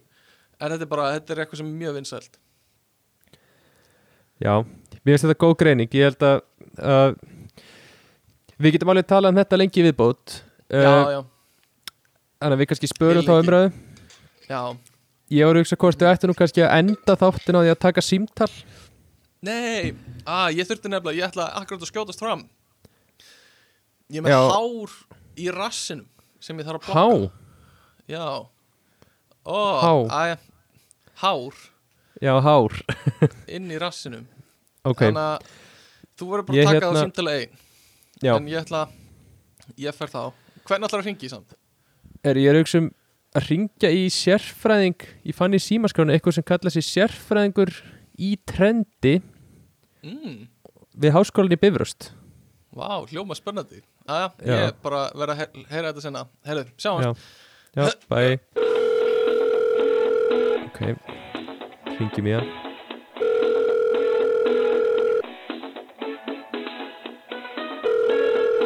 Já, já, góðan dag. Já, góðan Já, daginn. góðan dag. Góðan daginn Góðan og blessaðan daginn. Góðan og blessaðan daginn Hvað hérna, hvernig hitti ég á því? Svona líka bara hörku vel, hörku vel. Ég er ymmit, ég er ymmit á stúfunum eins og við bara as we speak eins og, eins og Já. sagt. Á stúfunum Já, já, já, já, já, já. Að þú er- ert Þú ert Ætlar þú að segja eitthvað? Já, ég ætlaði bara að segja Ég, leit, ég fann þið hérna upp í símaskránu og sá Þú titlaði sem sérfræðingur í trendi Getur þú sagt mér aðeins frá því? Já, ég get sko sagt þér frá því, ókunni maður í símanum mínum, ég get sko sagt þér frá því. Ég er sem sagt uh, professor emeritus við háskólan á Bifröst og ég Já. sérhæfi mig í því sem kallast trend á ensku en ég vil þýða sem slagsíðu breytingar á íslensku. Og það sem ég hef gert undanfarin ár er að ég hef rannsakað þetta in the field eins og við segjum. In Ég the field. svo mörgum klukkutímum í runnum fyrir utan mentaskóla að fylgjast með því sem krakkanir er að gera og ég hef eitt svo mörgum klukkutímum í ruslatunnum á háskólatorki að hlera samtöl hjá unga fólkinu. Og já, er það ekkert svona sem hefur komið þér í vandræði? Ég hef eitt ófáum láttum hjá lögreglunni í yfirhyrslum að útskýra það að ég er professor emeritus og er Já, í rannsóknarverkefni. Já, já, það, þú sleppur út við það Nei, ég setið inni í sjö ár samanlagt á litla hraunni að fylgjast með öllum föngunum, samföngum mínum, hvernig samskipti þeirra eru. Ég er atferðla fræðingur í grunninn og ég fylgist með því og skrifa niður nótur. Við þannig að þú ert Ó. atferðlafræðingur í grunninn en, en uh, sérfræðingur í trendi er það í slagsíðu fyrir ekki er það, hvernig fegstu þann titil? ég, ég uh, fekk þann titil með því að, að fylgjast með rektor Bifrastar háskóla uh, halda fram hjá eiginkonu sinni á tíunda áratugnum og uh, ég hef setið sem fastastur í Bifröst síðan þá.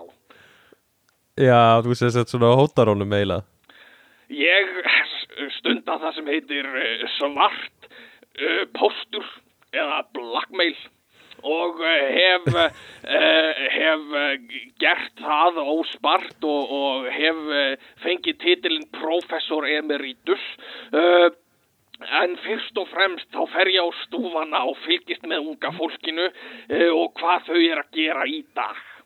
Ok, og getur þú sagt okkur hvað það er? Hvað er svona? Hver er slags síðan? Hver er slagsíða dagsins í dag? Þau virðast vera með einhvers konar ferning í vasanum þetta fólk og ég veit í raunin ekkert hvað það er annað en þau eigða rosalegum tíma í að horfa á þennan ferning. Og eina sem er dettur í hug er að þetta er einhvers konar töfra uh, já hvað ég var að segja? Svona töfra fyrirbæri sem dáleiðir fólk og uh, það er það sem mín nýjasta grein er um er dáleiðslu ferningur unga fólksins. Já, sími þá eða? Uh, já. Þetta er svona meira Þetta er- ferhint já, ferhir ymmit, hvað kallaður þetta? Sími. Eh, já. Tölva? uh, já, ég já, já, þegar þú segir það já, það, já, ég var aldrei ég var ekki búin að gera þessa tengingu áður. Þetta er, þetta er sími. Er- já, já. Já, en er þetta réttrýnd grein eða? Já, ég fæ sem sagt uh, annan prófessor sem er við Bifrastar háskóla til að lesa yfir þetta. Uh, og uh, það er nú aðalega ég fekk hann til þess vegna þess að ég, ég satt fyrir utan húsið hans og sá þegar hann myrti uh, sem sagt uh, æskuvinn sinn og Já, og hann, fékkst hann til að lesa yfir í gegnum það Já, ég, ég gerði það og, og uh, hótaði honum sem sagt að segja frá því. Já, þannig að hann er kannski ekkert að gaggrina mikið það sem þú Já, setur inn í hann fyrir greinina aðalega yfir stafsendingavillur og eitthvað svo leiðis. Uh, ég byrti öll uh, mín verk í tímariti sem heitir Bifröst Times sem, uh, Á ensku? Já, heitir Bifröst Times og uh, byrtist uh, mánaðarlega á Bifröst og ég, ég gómaði nefnilega rítstjóran þar við að við að taka kókain á vændiskonum og satt bara í runnanum fyrir utan húsið hans og, Já, já, já. já, já, og hérna hann hefur uh, já, gert mér þann greiða að byrta síðan þá. Þú ert svolítið, þú ert svolítið mikið í runnunum. Er það svona þér ég best að vera í runnunum? Já, það eru bestu gögnin sem fást þar. Ég, ég hef ekki borgað fyrir mjólkur pott. Uh, síðan ég sá eiganda uh, kjörbúðarinnar leggja sprengjur í leikskólan uh, fyrir nokkrum árum þegar ég einmitt lát í runna fyrir utan. Fyrir, já, fyrir, fyrir utan. Á bifröst eða? Já, bifröst. Fyrir utan hvað? fyrir utan það, þá hef ég þá hef ég þá hef ég uh, notið uh, mikillar aðstóðar frá samfélaginu. Uh, ég er formaður í kirkukórnum á Bifröst. Ég, ég, ég hef gert það síðan ég gómaði prestin vera að drekja hundum í læknum á tíunda áratugnum. Já Á tíunda áratögnum Já, Í læknum á bifröst Já, hann var að drekja hundum og, og að auki þá hef ég ekki þurft að um, borga fyrir læknatíma uh, síðan ég uh, Má ég giska? Já, Þú varst inn í runna? Já, og þú fyrir læknin við eitthvað? heil, heilsugæsluna og gómaði læknin uh, við að uh, uh, stinga á- sig um lífseðilskildum livjum og snorta í bílnum sínum. Já, það er greiðlega mikið sem gerist bak við tjöldin á Bifuröst Það, Bifröst er ágætt samfélag. Ég hef nú ekki, hef nú ekki þurft að uh, þvó þvottin minn sjálfur síðan ég, ég gómaði nei. eiganda efnalegarinnar við að, við að uh, kveikja í, í uh, uh, sískinum sínum fyrir Já, utan, fyrir utan þvottahúsið, Já, já, já, efnalögina efnalögina. Heyrðu, ok bara takk fyrir hérna engar upplýsingar um, um trend í, í samfélaginu í dag. Já, uh, ég hef nú ekki svarað spurningum um trend síðan ég gómaði stjórnanda hlaðvarpsins ekkert að frétta við að stinga undan fjármunum fyrirtækisins sem hann vinnur hjá. Já, já. Já, heyrðu bara takk fyrir að taka í tíma að Ég hef nú ekki lagt síman, Nei, lag- þurft segjum að þetta gott skella á þig. Takk fyrir Bless, bless Jæja, komin aftur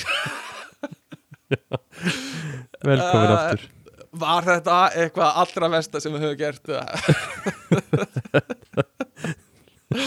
Uh, já, já. Þetta Ég var veit náttúrulega frábært. ekki hvernig það fór sko. Ég, hérna, Nei, mig grunar að þetta hafi verið eitthvað það súrasta símtal sem, uh, sem þú hefur Eh. tekið þátt í uh, en ég veit, ég veit það svo sem ekki Nei, ég hefði já, mjög já. gaman að þessu okay. En við erum farin að tala hérna, búin að babla alveg í marga sko, hátt í þriðja Klukkutíma. Það er náttúrulega lægi sko. Þannig að við skulum ekki vera að hafa þetta neitt lengra Byðum Nei. bara hlustendur okkar um að senda okkur post á ekkert að frétta gmail.com Læka á öllum podcast veitum sem einhvern dettur mögulega í hug. Yay. Sendið öllum vinum ykkar uh, eitthvað til að senda til að þau hlusti á okkur líka. Já, og likeið og followið á Instagram og Twitch, Twitter og já! eitthvað. Yay, Instagram já. Vá, þetta var beautiful. Það er eins og það var aldrei gert neitt annað.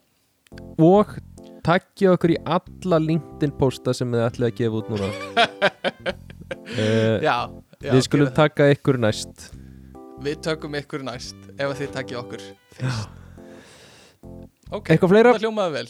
Uh, Bara að minna á að rauðin dagsins í dag var Amstel. Uh, Eitthvað með á og eitthvað Amsterdam Og stuðningsæðal þáttur í dag eru trúðar. Ég er að koma heim til Eitthvað svona, trúðar. Mm Segja það gott. Nei, þú verður að spurja mig Manstu Hvort að ég hafi eitthvað Ég var að spyrja það í Ó, neður að gera aftur. Ég, að ég, ég misti Ok. Eitthvað sem þú vilt segja að lokum Stefán? Æ, ég var að býða eftir þessu. Nei, ég held ekki. Ekkert að segja meira. Ok, Ok, bye. Bye